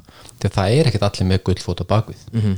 þú veist, þannig að eins og þetta hérna, Terra Luna dæmi þess að þeir var bara eitthvað algoritmi sem held þessu uppi mm. og svo fólk að, að átti og það var, það var mjög mikill peningur í þessu sem bara hvarf og ég held bara svona til gamans að hérna í þessu bara í þessu kryft og hruni sem, sem hefur átt sér stað svona eiginlega síðustu hvað, fjóra mánuði eitthvað, fimm mánuði. Um, ég held að horfið tvær triljóni bandaríkjadólara sem er sama upphæð og í bankarhunni 2008 en það er engin, er engin hús brennandi eða þú veist, Nei, þetta nei. hefur ekki sömu áhrif á Nei, nei. íbúa heimsins en það er kannski auðnum mis, já, miskipt já. en það held ég sko þeir sem eru inn í krypto þeir bara svona hlippi öxlum og bara ah, just another Monday sko veist.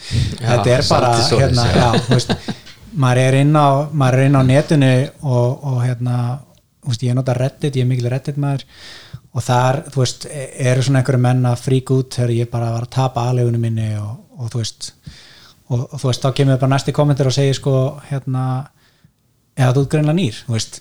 Þetta er, þetta er rosa, rosa sveiflu, sveiflu kendur markaðir og ég myndi bara til þess að koma inn á það sem Andri var að tala um á hann að svona market manipulation inn á þessum markaði er gríðarlegt sko. alveg, alveg rosalegt. Já, og hérna svona pump and dump eitthvað Já, þú veist, það, er bara, það er allt til sko, af því að þarna er náttúrulega enga reglur. Veist, á Wall Street hefur náttúrulega verið sett fullt, fullt af reglum. Já.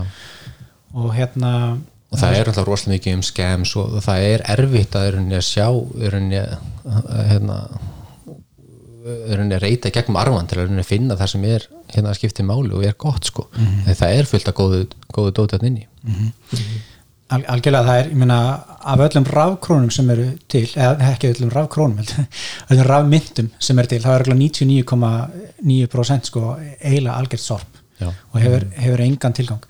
En svo er bara veist, það sem að svona horfir á þetta frá teknilegu hliðina það er ákveðna rafmyndir sem er að koma með bara nýjungar sem okkur finnst rosalega spennandi. Og meni, ég hef verið að hor- horfa á Solana núna síðustu ár og, og ég er rosa spenntur fyrir þeirri perslan rafmynd mm og það er, það er aðalega náttúrulega bara hérna hraðin og hvað er umvel bara mikið þróun í gangi, það er staðarlega rosalega mikið þróun inn á Solana bálkakeðinni um, og, og svo náttúrulega líka bara hvað þetta er ódýrt. Veist, hver millifærsla kostar bara eitthvað um þrjá auðra. Þannig að þegar að þegar við hérna vorum með þessa vangaveltur um að búa til íslensku, íslensku rafkrónuna þá var, það er engin önnu bálkakeðar sem kom til greina. Veist, þetta, þetta myndi aldrei hérna, make a sense til dæmis eins og á Ethereum. Veist, það sem að millifæslugjöldin eru svona rosalega hérna, rosalega há myndi mögulega make a sense á einhverjum einhverjum svona hérna, level 2 hérna, eins, og, eins og Polygon eða Matic eða já. um, en hérna við erum svolítið að vinna með Matic í vinnu á mér og hérna, nei, með, á Polygon-kjöðinni og þar, þá er fæslugjöldin oftast við sjáum meðlega bara tvo aukastafi og það námyndist oftast í 0,00 mm það er allt annað heldur en að borga 5 dólar eða 30 dólar eða hvað það er og, en má ég skjóta inn? Uh, það er spurning úr sal? Já, við nefnilega spurðum á Twitter í dag. Sendum út. Spurðu tæknaverfið og það komu spurningar og meðal annars spurði Andres Jónsson uh, almannatengill og, og vinur tæknaverfsins uh, rafmyndir, leistu þær ekki bara þörfina á miðlegu eftirliti og útgáfu en ekki þörfina á trösti svo að segja á ríkjum að baki gjaldminni og mun breyting á því ekki kalla á eftirlit? Eru þá ekki sama stað við byrjuðum nokkurn veginn Þú veist, jú, það er leistu þörfina uh, á miðlega eftirliti. Um, en þú veist, jú við, uh, Þetta er- þetta djúp spurning, sko. Já, vissulega var ekkit, Hérna- tröst og þetta er náttúrulega bara einmitt decentralized og þetta er náttúrulega mjög mikið svona fluctuation á þessu sko. Og bara við erum nýbúin að minnast á það hvaða er mikið af svona vafasömmum slóðum sem hægt er að villast inn á í þessum heimi af því að þetta er ekki reguleitað eins og Wall Street. Akkurat uh, Ég veit ekki hvaða breytingu hann er að kalla hérna, eða er að tala um sko. Já, er það ekki að þú veist að bú, til að búið til tröst þarf ekki regulation til að búið til tröst eða ekki í rauninni? Já, þú meina það, já. Færum okkur nær Wall Street með því að setja reglur til þess að byggja upp traust. Já. Ég veit ekki hvort það sé að vísa til en það var stórt mál núna fyrir ekki að lengur síðan með um, Tornado Cash, ég veit ekki hvort þið fylgdust eitthvað með því. Uh, Tornado Cash er svona hvað við kalla þetta sem sagt að- þetta er snjallsamningur uh, sem er á Ethereum blockchainu sem er svona ef ég ein- einfalda rosalega mikið það er þess að þeiti myndi að vera peninga. Af því að vandamáli það að leiðu ég saði þegar Andri áðan ég væri með Marno, Marno P.ið að þá getur þú slegið það inn og þú getur séð allt sem ég er búin að senda frá mér eða til mín, alla peninga. Þú getur þannig með séð urinni bara hvað ég á mikla peninga við hverju ég er að hafa- viðskipti allan að hvað þetta velta Nei, Nei, þú bara- getur Sé bara- stöðuna á þú getur reikningnum. sé- séð stöðuna. Þú getur séð að hérna, ég rukkaði líka bjarna fyrir þennan hambúrgara eða eitthvað skilur Já, já, Þú getur séð basically bara hverju einustu fæsli alla fæslunar og, og þú getur líka rakið það sko áfram. Þú, veist, þú getur, þú getur sko séð hvert hann var að borga þá ertu komið upplýsingum um hans veski Já, að, að, að Bjarni borgarinn fyrir hambúrgaran ég get farið að skoða hvaðan peningurinn kom eða, það, það, það er nefnilega hund sko, það er nefnilega oft miskilningur með, hérna, með þessa bálkakeður rekjanleikin er 100% mm. en ástæð fyrir því að, að þetta er oft nefnt í samingi við peningafætti er að uh, það er svona annan missiti á uh, það nafnleysi á veski á veskinu sjálfu Já. En ef þú veist, Hver á veskið? veskið þá getur þú rakið frá því Já. og Tornado Cash er svona þeitimynda það sem er rauninni að þú getur átti sett stopp við sko, peningarnir enda þar þú, þá er þetta þjónustörunni sem þú leggur peninginn og og segir hvert þú vilt senda hann og hún tekur peningin af einhverju öðru veski annar staðar og sendir á áfangastæðin setna mögulega. Já, já, já. þannig að þú er þá, slítur, þá, slítur keðina slítur keðina og er það að hérna, búið að vera stór hökk hérna í, kannski í kjölfarið á þessu hruni eða í, já, síðustu fjórum mánuðum. Og Norður Kóru er búið að vera á bakvið uh, að minnst kosti tven, tvenna þessum hérna, innbrotum eða, eða í hökkum. Og Norður Kóru er búin að vera að nota Tornado Cash til þessu rauninni að fela slóðinu sína. Uh, þetta hérna Lazarus Group eða hvað það heitir í, í Norður Kóru sem er svona þeirra state organized í rauninni hérna svona hakarar og í kjölfarið þá hérna gerði OFAC í bandaríkjörnum sem er eitthvað svona peninga eftirlit þeir uh, sanksjónuðu uh, þennan snjálsamning sem því það, þú veist, sanksjón er eitthvað svona sama þeir nota á Bin Laden eða eitthvað svoleist ef þú hefur hérna ef, ef Bin Laden borgar því pening eða þú borgar honum, þá ert þú orðin í rauninni segur, eða meðsegur og átti við 30 ára fangilsistóm þeir notuðu sömu reglur til þess að banna þennan snjálsamning og snjálsamningur er bara þetta er bara kóði, þetta er opin kóði á bálkakeðni þú getur, það getur allir hérna lesið, bara flett upp tornatukas, mm. séð hvar samningurinn býr á keðinu og lesið í gegnum kóðan, það er ekkert falið, þetta er ekkert svona mm. þetta er ekkert hérna uh, ekkert undir hútinu, þetta er allt saman bara upp á opið. sko. já. Ok, og, og í kjölfarið þegar þau bönnuðu þetta þá er fullt af bandaríkjumönnum sem lendu í vesinni því að það hérna, eru margir sem nota þetta til þess að því að maður vill ekki vera með fjármárin opinn fyrir veist, það er eitthvað svona ákveð privacy í hugtak, eða svona privacy sem fólk vil hafa og þess vegna er það að nota þennan, þennan snjálsamning og þeir settu þetta á uh, þetta sanksjón á þennan samning og í kjölfari er allt búið að vera eina svolítið vitlust uh, gengi á í þeirrium fór nýður um, og þetta er mikil umræða. Coinbase er núna að, að, að fjármagna uh, lögmál í bandaríkjunum þegar þeir eru að fara að kæra bandaríska ríki fyrir að hafa gert þetta. Og svo er einhver snillingur að því að nú var ég að segja semst að ef þú átt viðskipti við þegar þetta tornado cash hvort sem það er inn eða út þá er það með sig ykkur mm. og svo þá er alltaf einhver snillingur út í heimi sem fór að senda á því það er alveg vita Jimmy Kimmel, það veit einhver adressun hans Já. og einhver leikar og eitthvað það er einhver gæi var að senda 0,1 í þeirrium á allar þessar ofnbyrju adressur þannig að faktíst þá ætti Jimmy Kimmel eh, að fara í 30 ára fangils já, hann en það er, það er hérna þetta er, þetta er náttúrulega eiginlega svolítið nýskipt dæmi og, og, og, og ég hafði sérstaklega á þessu bara út frá svona lögfræðilegum Já. að þetta er í fyrsta skipti sem að OFAC sko er að sanksjóna sko tölvuforrit. Já. þú veist og það, það er okkur svona lagalega spurningum með það sko. Já. þeir hafa heimildi til þess að hérna, til þess að sanksjóna sko svona entities og veist, people, fyrirtæki. people organizations veist, en hérna og, hérna, og ég var einhvern bara að hlusta á, á mitt podcast með hérna bandarísku lögmæður sem var eiginlega svolítið hakkað í sig sko, veist, hérna Samkvæmt bandarískum lögum þá er kóði þetta eftir að hérna, fólk voru að dulkóða gögnin sín þá, þá 1990 eða 80 eitthvað, eða hvað fyrr þá, þá 70 eitthvað sem er sko 70 eitthvað. sem sagt, það var talað um sko the crypto war Já. sem er fyrra Já. það, var, það gerist 1970 eitthvað þegar að, hérna, þegar að þeir voru að forrita uh, sem sagt bara GP, GPG hérna, tilkóðuna líkilinn mm. Og, og það sem þetta endaði fyrir ég held hæstarætt bandaríkina eða hvort það fór kannski ekki alveg svo langt en það svona endaði svolítið á svona drastíska máta sem áfast eiginlega mjög töff að, að hérna, sá sem að skrifa þetta sem skrifaði kóðan hann hérna endaði því að uh, gefa út bók. Sagt, og tók bara allan kóðan sinn og bara let prenta bara bók. Og, og, hérna, og sendi síðan þessa bók bara erlendis og hann byggði, hann byggði bara á tjáningafrelsi þú veist, tjáningafrelsi er þetta mjög ríkt í bandaríkjum Já.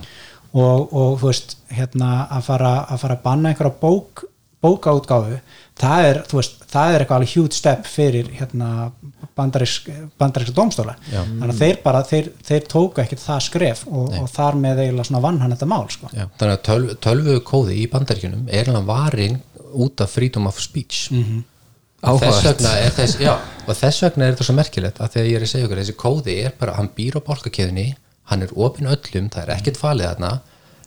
Samt sanksunar samt saksnar Já, og svo er, ég meina, þetta er eiginlega svolítið sorglegt málvegna þess að hérna, síðan er sko, sá sem forritarinn hann, hann situr núna í fangesi í hérna Hollandi Já. og hann er ekki fengið útgefið neina ákæra á sig. Hann er bara, hann er bara setur inn í Er það eftir, eftir beini frá bandaríkjunum eða? ég, nú veit ég það ekki nákvæmlega en hérna, en ég held að ég reikna með því Já, það lítur að vera frekar en að, en að hollenska löggan hafi tekið hann bara upp ég, ég, ég þekki þetta ekki alveg sko. en þannig að þetta er einhverja góð spurning hjá Andrisi með þetta, þú veist, en hérna ég veit ekki þetta eftirlit og allt, ég hérna Já, sko, ég, ég get sagt það eins og, eins og fyrir mynd, myndum menna, við, við sætum eftirliti frá hérna Sælabankan og við þurftum að hérna sækja um sérstaklega skráningu til að vera svona þjónustuvitandi síndaregna og, og hérna og þá auðvitað þurftum við að útbúa áhættumat og, og vera með alls konar svona hérna kerfisvarnir fyrir því að okkar þjónusta eru notuð sem svona í, í hérna tilgangi peningaþvættis. Já, já, ég er nú í, í betabrónum hann Já. og búin að setja inn pening og, og eitthvað svona og það var nú eitt af fyrsta sem ég þurfti að gera var að svara peningafættis spurningunum sem og maður hefur svarað í bankanum sko. Einmitt. við erum alveg bara með nákvæmlega sömu skildur bara eins og, eins og hérna stóru bankanir Já. En má ég spyrja aðeins, hvernig var hvernig var þetta ferli, hvernig var að eiga við selabankan og, og komast á þann stað að fá ú- útgefið leifi Já, einmitt. Sko við erum alltaf þrýr sem er stoplendur í þessu og, og ég er tók að með svona þennan lögfræði þátt mm. og þetta tók mig eitthvað um átta mánuði að, að fá útgefið þetta leifi um, og hérna þetta er bara þetta er alveg veist, svolítið mikið ég meina það er mjög vandlega að fara um saumana hjá selabankanum Já. og, og hérna og já þannig að þetta var svona uh, tók mig örgulega 200 klukkutíma Já, já. í vinnu við að, við að klára að stilla þetta en þetta var samt mjög holl líka þess að, að þegar maður er með svona startup verkefni, veist, þú kannski flýgur að stað og, og hérna þú ert með ákveðna sín í hausnum og, og hérna þú reynar svolítið að vinna út frá, vinna út frá henni en um, svo þegar þetta kemur og við þurfum að, að eiginlega vera tilbúinu með alla verkferðla og alla stýringar og allt svona þá þarf eiginlega að setjast niður og hugsa byrju, ok, nákvæmlega hvað ætla ég að gera þegar þetta kemur upp eða þegar þetta kemur upp Já. þannig að hérna, þetta var svona já, hvað á maður að segja mjög, mjög góð undirbúnisvinna líka svo sem Já. fyrir, þannig að það var bara jákvæmt að já, algjörlega Já.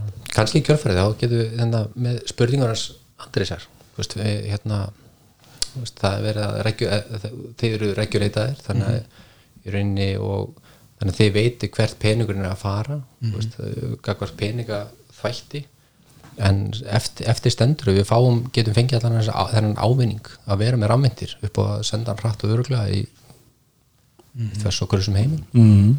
þannig að það, er klára, klára ávinningur og við erum ekki á sama stað að byrja Já, ég sé nú bara kona mín til þess, hún er svolítið í því að senda peninga til Afriku út af svolítið og það er dýrt og tekur tíma og, og, og alls konar vesinn þetta geti kannski verið svona skrefi í áttina að því að einfalda það Hvaða þjónustu hún núna í það? hún er aðalega bara í gegnum bankana sko Já. og þá þarf hún að borga einhver þúsund krónur og þetta tekur marga marga daga og, Mhm. og svo er þetta einhvern veginn þannig að, að þú, veist, þú borgar einhvers konar tryggingu Já, og fyrir því hver kostnaðurinn kemur til með að vera hjá sko móttöku bankanum. Það tekur alltaf langa tíma. Og já og svo hérna ef að kostnaðurinn er lægri þá færði ekki sko hlutastlega eða mismunni greitan tilbaka en ef að kostnaðurinn er hærri heldur en tryggingin þá áskilur bankin sér rétt til þess að, að rukka því um mismun skilu þannig að bankin er eins og græða. bank, já, bara eins og bankin gera þeir græða alltaf á, á viðskiptuna við sko en, en, en kannski aðalega það hvað þetta líka tekur langa tíma sko. ég held, ég held ég fara ekki með fleipur með það að ef þú ert að senda pening frá Íslandi í gegnum eitthvað af þessum íslensku böngum að enginn af þessum böngum er með þetta einhverju sjálfvirku ferli. Að þessi alltaf að já, það er alltaf þannig. Pælið því bara upp á tíma og, og vinnu. Unbelievable árið 2022 já, En Ég ætla að fara skjótinni hérna hinum kostnanda þáttarins já. sem er uh, KFC hvorki meinu minna og akkurat þegar maður er orðin svangur. Nákvæmlega. Uh, og við ætlum að hérna þess að vekja aðtegla á uh, máltíðinni sem er Boss Bacon máltíð. Er sett Boss borgari þrýr hot wings, franskar gós og kaffisúklaði mér sérst að kaffisúklaði já, í, í eftirrétt hérna, þetta getið fengið fyrir heilar uh, 0,00072 uh, bitcoin. Bitcoin. Já, það er já, þetta er, þetta er gott verð. Ef við skiptum þessu yfir í íslenska rafkrónur þá er þetta 2099 rafkrónur.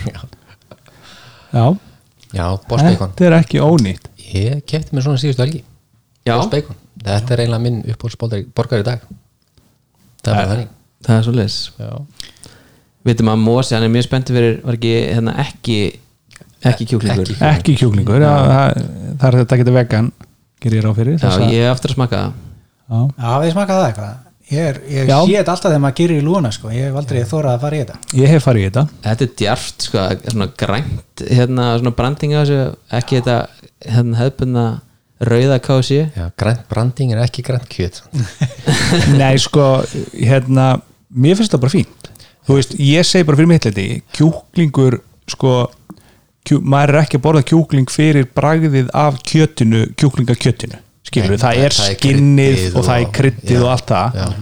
og þegar þú ert komið með eitthvað svona uh, líki sem er bara ekki alveg nákvæmlega eins en, en svona svolítið sambarlegt í áferð og svo ertu með sömu kryddin og, og sósutnar og eitthvað svona þá er þetta bara fín já, Nákvæmlega, þetta snýst alltaf um sósun eða ekki Jú, jú, sósan og, og, er allir bakkin við Íslendingar eru náttúrulega mikið í sósunum Ég sko. elska sósu, sko. Það er ekki bara tilhugsun um, um græna jörð sko, þú ert að, að fara í þennan pakka sko. Já, fyrir utan það að, að kólefnissporin eru talsveit væri Já, þannig að ekki nota í þýrim uh, á bænuskortinu eitthvað til að borga fyrir Boss Bacon máltíð Já, eftir, eftir daga. eftir, daga, ekki gera núna Þannig að farið fari um helgina þetta er á hvað það er hægt að miðvikudagur í dag þegar við erum að taka þetta upp þáttunum kemur út á, á reyndar þriðjudagur í dag. Þetta er einhvern tíðan fimmtudaginn þá- fimmtudaginn Já. 15. Er region stillingar á iPhone alveg að fara með þig eða? Já, já Ég skildi ekki hvaða dag var þegar ég horfði á lokskrunni hjá mér Tuesday, hvað er það? Herri, við þökkum, þökkum KFC eh, bara hjartalega fyrir Já. stuðninguna og hjálpina eh, Ein önnu spurning sem fengum reyndar ekki á Twitter en fengum hana í eh, Messenger svona rétt í lokin. Já, það er samt smá uppið eða ekki?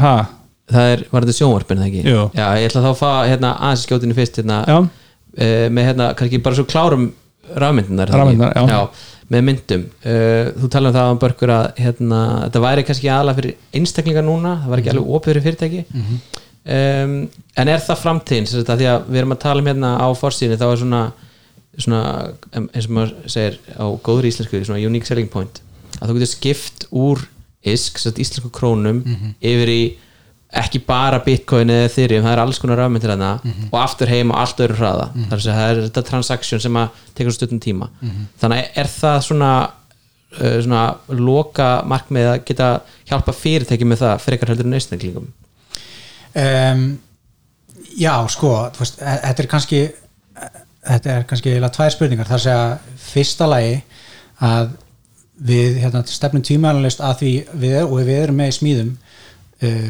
svona swap interface sem að hérna maður komin á þar sem að þú ert bara, þú sér bara rafgrunar þeir eru með langar að skipta í bara bitcoin. Og þá eiginlega svona, þú veist það sem gerist bak við tjöldin er að þú veist rafgrunum þínum er skiptið yfir í USDC eða USD dollara og svo er þá bitcoin eða eitthvað kipt fyrir dólarn og þú, en þú veist, þú fær bara bitcoinið hérna sjálfur. Síðan er svo sem það bara að hérna við uh, stefnum tímanlega á það að opna fyrir fyrirtæki og það eru bara svona ákveð svona teknilega örðuleikar við því, það er, það er hérna kannski sérstaklega varandi reglurnar um hérna e, varandi peningaþvættis tilskipunina að, að það er umlega flóknara að, að hérna að Þjónusta þjónusta, fyrirtæki. þjónusta fyrirtæki. Mm. og, og hérna við raunverulega erum bara í svona ákveðin pröfufasa þar sem við viljum bara ganga úr skugga um að allt hérna gangi smurt og, og eðlilega fyrir sig. Og svo, veist, þannig að við erum bara raunverulega með einstælinga í þessum pröfufasa svo þegar hann er búinn, þú veist, þá erum við mjög fljótlega að fara að opna á fyrirtæki. Spennandi.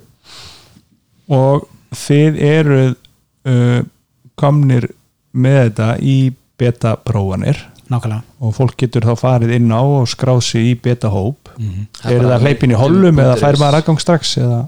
Já, við sem sagt hérna þú- getur alveg bara farið inn á myndum.is þú þarf bara að skrá kennutöluna inn á netfangið þitt og svo hérna erum við já, að hleypa inn í hollum, svona bretti Já. sem að hérna við sjáum að kerfið bara gangi ágætlega og, einmitt og þannig að bara vissum, vissum að þetta gangi allt sem best fyrir sig sko. og hvetið þá ekki bara öll til að fara inn á myndum.is og, og skrá sig og, nákvæmlega. og bara muna að- að nota peninga sem að þið megið tapa, tapa ef þið ætlaði að fara betta á, á hérna, rafeyri í útlöndum. Já, þó það væri ekki nema bara, þú veist, kíkja þetta inn á og lesa, lesa sig hans til um, við erum líka með hérna, bara ágætis hjálpað miðstöð Já, herðu, ég ætlaði að mynda að rósaði fyrir það. Það er hérna, þú veist, fyrir einhverja svona amatöra og fólk eins og mig sem kannski veit ekki mikið um þetta að inn á sko hjálparsíðunni er ótrúlega mikið af sko góðum svona leiðbenningum og svona skýringum. Og líka vídjóm ég og vídeoum á, og þú veist, á, á íslensku og svona, þannig að það er þú veist, ein kvöldstund þarna og, og rulli gegnum þetta, veist, þá er maður uh, talsveit betur að sér í, í þessum málum, sko. nákvæmlega ein svona kannski loka spurning hérna árum fyrir mig sjónvarpinn Andrið, sem þú ert mjög spennt fyrir heyri hérna, hver, hérna hvernig uh, telur þú að svona staða rafmynda sér núna, heldur að eins og þú veist, þau sem að hérna, keftu kannski bitcoin 2012, 13, 14 eitthvað svo leiðis og mm -hmm. svo sko miljardamæringar ef þau seldu á réttin tíma, það eru örugglega margir sem að seldu sko á raungum tíma þegar bitcoin stóði 100 dólarum eftir að hafa kipta kannski dollara mm. en heldur að þessi tími sé bara búin núna að hérna, eða erum við ennþá þar að fólk gæti fjárfest í einhverju eins og kannski ekki bitcoin eða ethereum en kannski einhverju svona uh, andra coin og eh, svo fer andra coin á flug og, og hundrafaldast Einmitt. í virði Sko ég, ég persónlega e- er ekki fjármálaráðgjafi og hérna og get aldrei mælt með svona einhverjum fjárfestingum. Ég segi fyrir mitt leiti bara persónlega ég hef aðalega bara haft augastað á þessum þú stóru rafmyndum sem Já. er að gera eitthvað, eitthvað raunverulega nýtsanlegt þú veist, hérna Bitcoin uh, var auðvitað svona bara orginallin og það er einhvern veginn svona svona þokkalega kannski, veit það ekki safe bet ef að svo maður segja að það sé ekki að fara að rinja niður í null, ekki nema bara rafmyndaheimurinn allir fara niður í null Ethereum var náttúrulega ótrúlega merkilegt fyrirbæri að koma með þetta smart contracts. Uh, svo er Solana komið með þennan hraða er líka með þessi smart contracts og er rosalega ódýr. Og mér finnst ótrúlega gaman að, að fylgjast með hérna, þessum rafmyndum sem er að þú veist, koma með eitthvað nýtt þú veist, eru, eru virkilega að leggja eitthvað fram á borðið. Já, eitthvað svona utility á bakveða nákvæmlega, þú veist, svo eru bara þú veist, ef að þið langar að, að kaupa Dogecoin eða þú veist hérna, einhverja svona meme coins þú veist, jú, jú, þú getur pottet hérna lendi því að það verður búið hundrafaldast skilur, en þú getur líka lendi því að það fara nýri núl þannig að það er bara kasínó sko. Einmitt, þetta er daldið kasínu sko. Og það er líka alltaf að vera vinsælt að setja sér sko annarkvort einhver svona cryptocoins eða NFT sko inn í tölvuleiki veist, það er alltaf að koma fleiri fleiri tölvuleiki sem nýtir þetta akkurat. einn eða annan hátt. Já, þannig að það er líka svona áhugur vinkil að maður ætlar að fara að skoða eitthvað hvað getur sniðut að fjárfest í sko hvað, hvernig leikir eru að koma út og hvað gera þeir. Kannski ekki að já. smá sjátt á þetta á hérna, Kristján Einar félagin minn sem að er núna að vinna fyrir uh, fyrirtæki sem heitir Direct, Directive Games og er að gera töluleik sem heitir Civitas og uh, allt artwork eða allt í leiknum eru NFTs þannig að þú getur keift karaktera og svo framvegis og, Já, og land held ég líka og, og eignir og eitthvað svoleiðis sem er allt saman NFT þannig að það er þetta er íslenskt verkefni, mjög spennandi. Hvernig skrifur þetta þetta er Civ bara eins og Civilization. Já. þetta er svona Civilization type leikur sko. Playcivitas.io já, það og það er eitthvað vætlist sá ég sem er að fara í gang held ég bara í dag varandi NFT í þessum leik. Já, skoðum það. Já, endilega skoða það. En ef að fara yfir sjórumpinn, Andri Já, en það er sko ég ætla ekki að taka undir það að ég sé mjög spenntur fyrir þessu umröða því að, að, því að þetta er sérst þannig bara fyrir hlustundur að, að við fáum stundu fyrirspurnir. Stundu setjum við út á, á Twitter svona, spyrjum í tæknvarpið og svona og svo er líka bara uh, hlustendur okkar og, og svona góðir hérna Þú ert ekki að tala um sko fólk sem heldur við sem símin og þarf að fá aðstöð Nei, það, það, er hefur minga eftir að, eftir að Símon varð minna notað. En, en þá fáum við stundum fyrirspurnir á, á hérna Facebook. Messenger og Instagram og hér og þar. Og, Mhm. og við komum inn á áðan með hérna voiceover Wi-Fi. Þú veist, það, það er bara stutt síðan voru spurður út í þetta. En svo kom núna á dögunum uh, eftirfærandi spurning. Uh, 65 tómu já, besta budget 65 tómun sjónvarpi á markanum núna.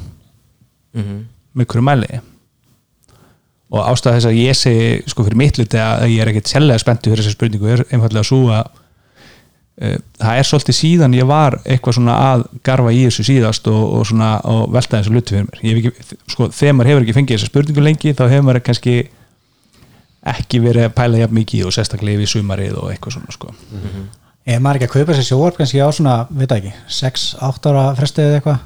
Þú veist, þá spá maður í þessu, sko er þetta það er svo veit maður málið sko. ekkert um þetta þessu milli Nei, Ég get sagt fyrir mitt liti, ég kefti mér hérna LG Ég held að það sé reynda 55 tómi frekar en 65 tómi mm.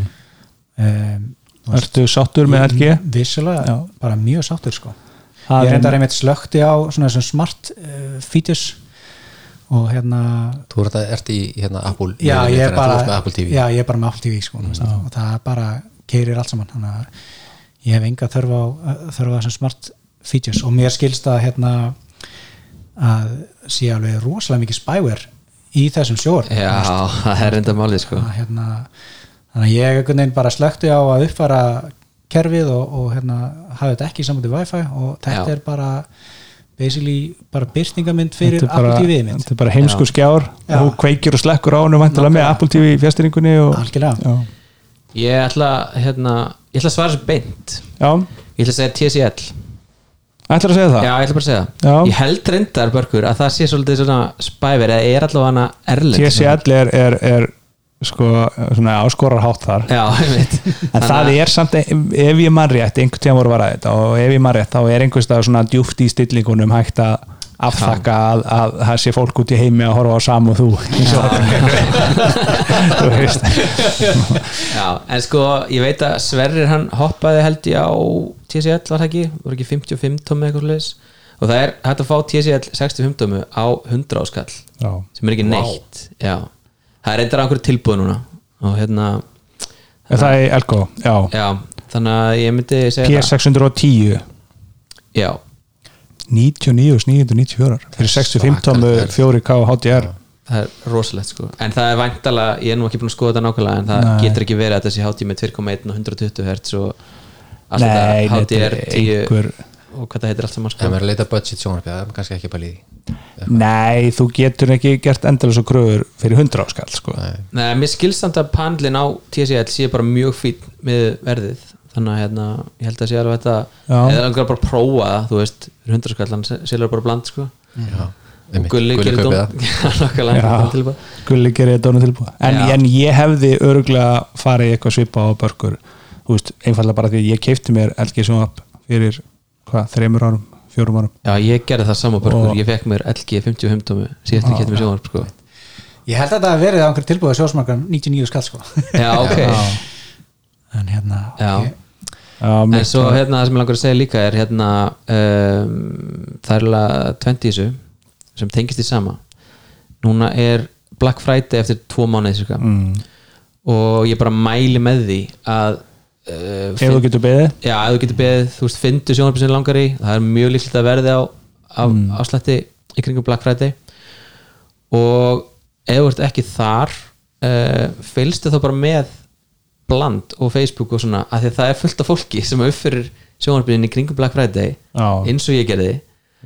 Og þá getur þú gert sko rosalega díla á mjög góðum sjónvarpum sem eru kannski áskömmulega að tekja ára eða eitthvað svoleiðis, sko. er þetta ekki með akkurat budget adviceið þú veist? Jó, ég held að fylgjast með blandinu eftir, eftir Black Friday. Já, ef þú getur beðið tvo mánu þá er þetta geggjaráð, bara algjörlega. Og ég, ég kannski lauma inn líka þú veist, ég persónulega hef svona, ég skannaði þetta alltaf þegar ég fyrir Costco og við höfum aðeins tekist á um það alla finnst sko aldrei hafa verið hægt að gera neinn góð kaup í sjónvarpi í Costco veist, ég er ósamálegi það, þú veist, þið veitir hvernig Costco er að þú gengur ekki neinu vísu.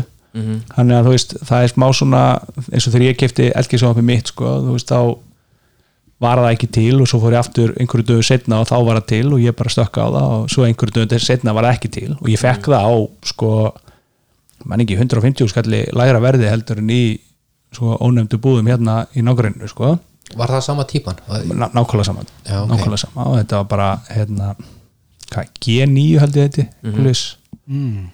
og þú veist OLED eða ekki uh, jú, OLED og, og bara fína sér upp allan að þá hérna mæli alveg með því að, að, að taka kannski og labba eitt ringi í, í Costco og kíkja eftir að því að það er svona, það, það detta inn ég veit ekki alveg með sko alveg low low budget hlutan sko en, en þú veist þau að detta allan inn alveg geða sjónvarp á, á hagstæðari prís en, en þú farið endilega Já, en, ég held að þú sést ekki að fara í eitthvað budget. Þú- að því að sko sjónvarpin í Costco þú veist, þau eru kannski eins og eiginlega allt í Costco. Þetta er alltaf svona eitthvað gæðastöf aðeins út í Já, hana en þú getur dottið á svona eftir ár, ársmarkað sko, Já.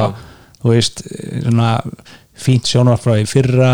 Já. þú veist, en, en þú veit ekki að fara að fá hérna TSL sjónvarp á 100 áskall 65 tómu þar sko. Nei, hérna, einn forðin spurning þegar þeir fara í Costco, eru þið að fylgjast með veist, verðinu, þið, ég veit ekki hvort þið þekki það veist, þegar Costco eru að verðleika hlutina þá er þeir stundum að verðleika eitthvað sko á 99.950 þú veist, þá er það svona ákveðin vísbending um það að þeir hafi lækka verðin þekkið þetta?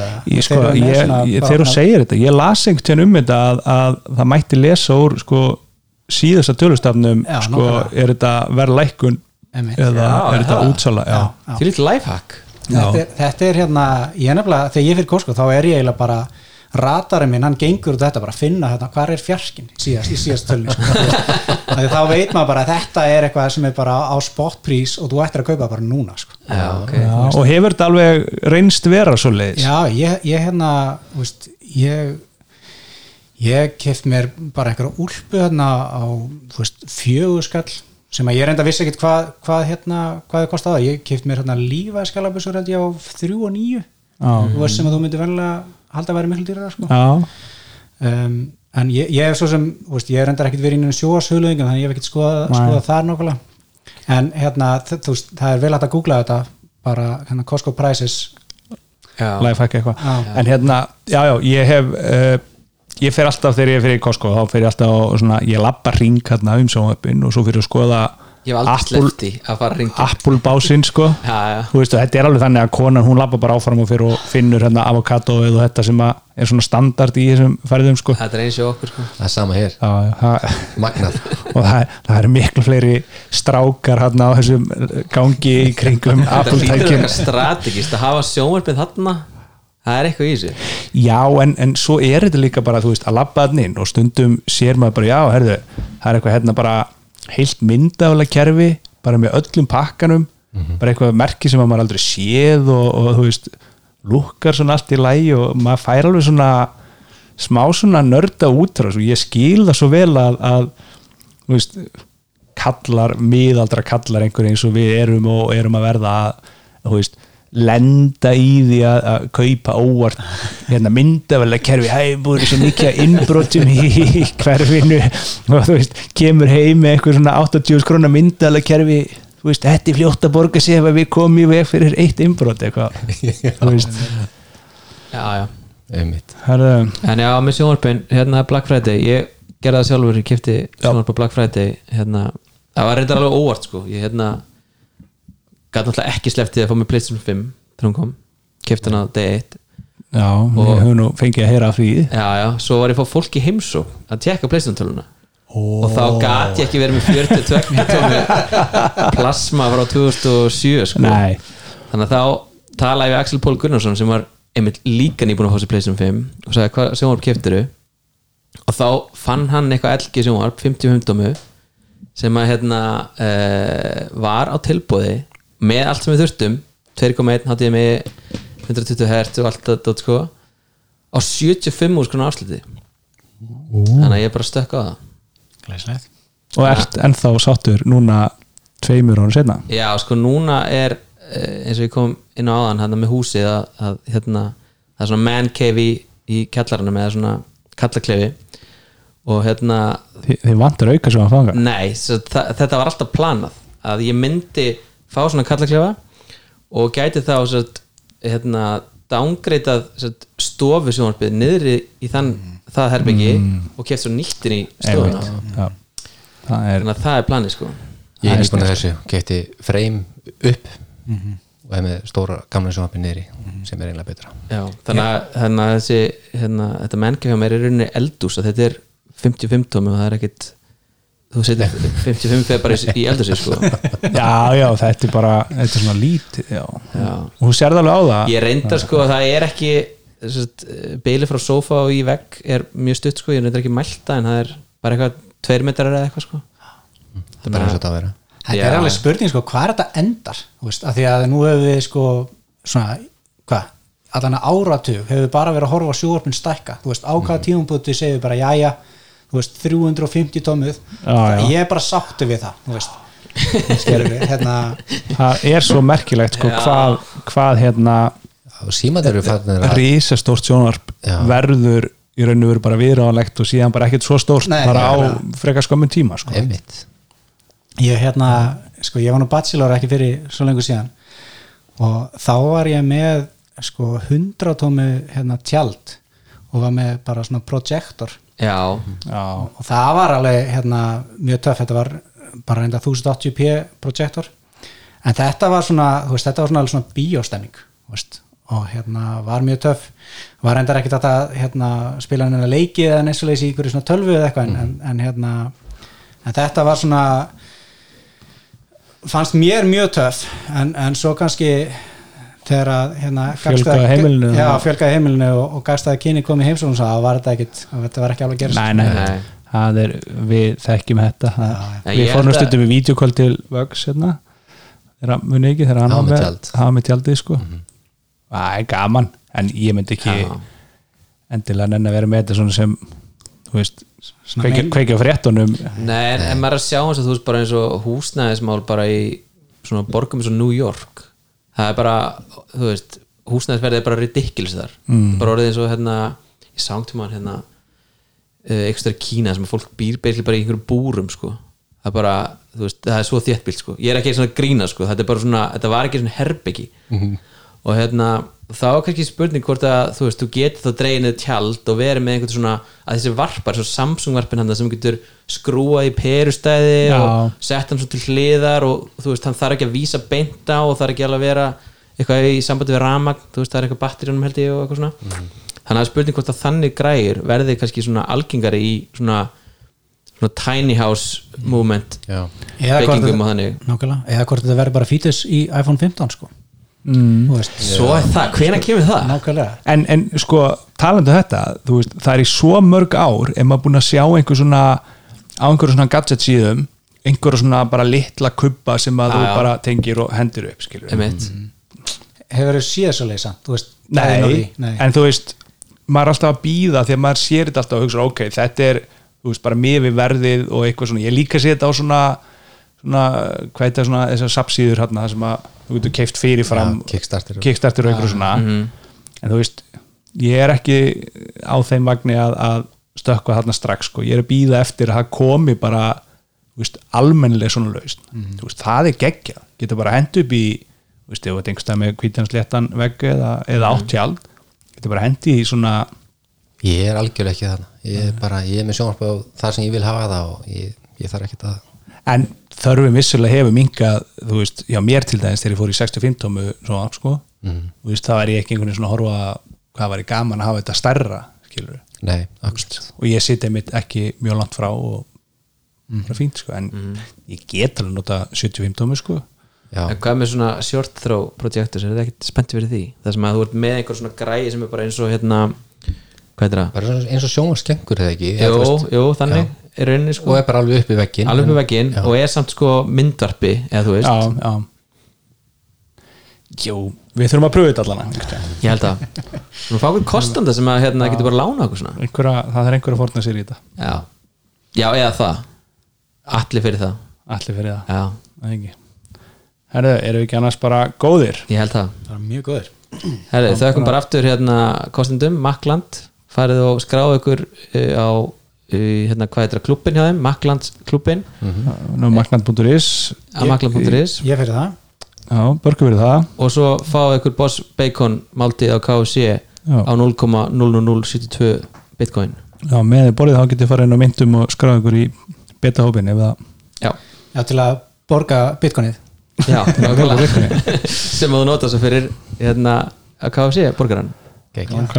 Herðu, segjum það, takk, takk Takk, takk Thank you.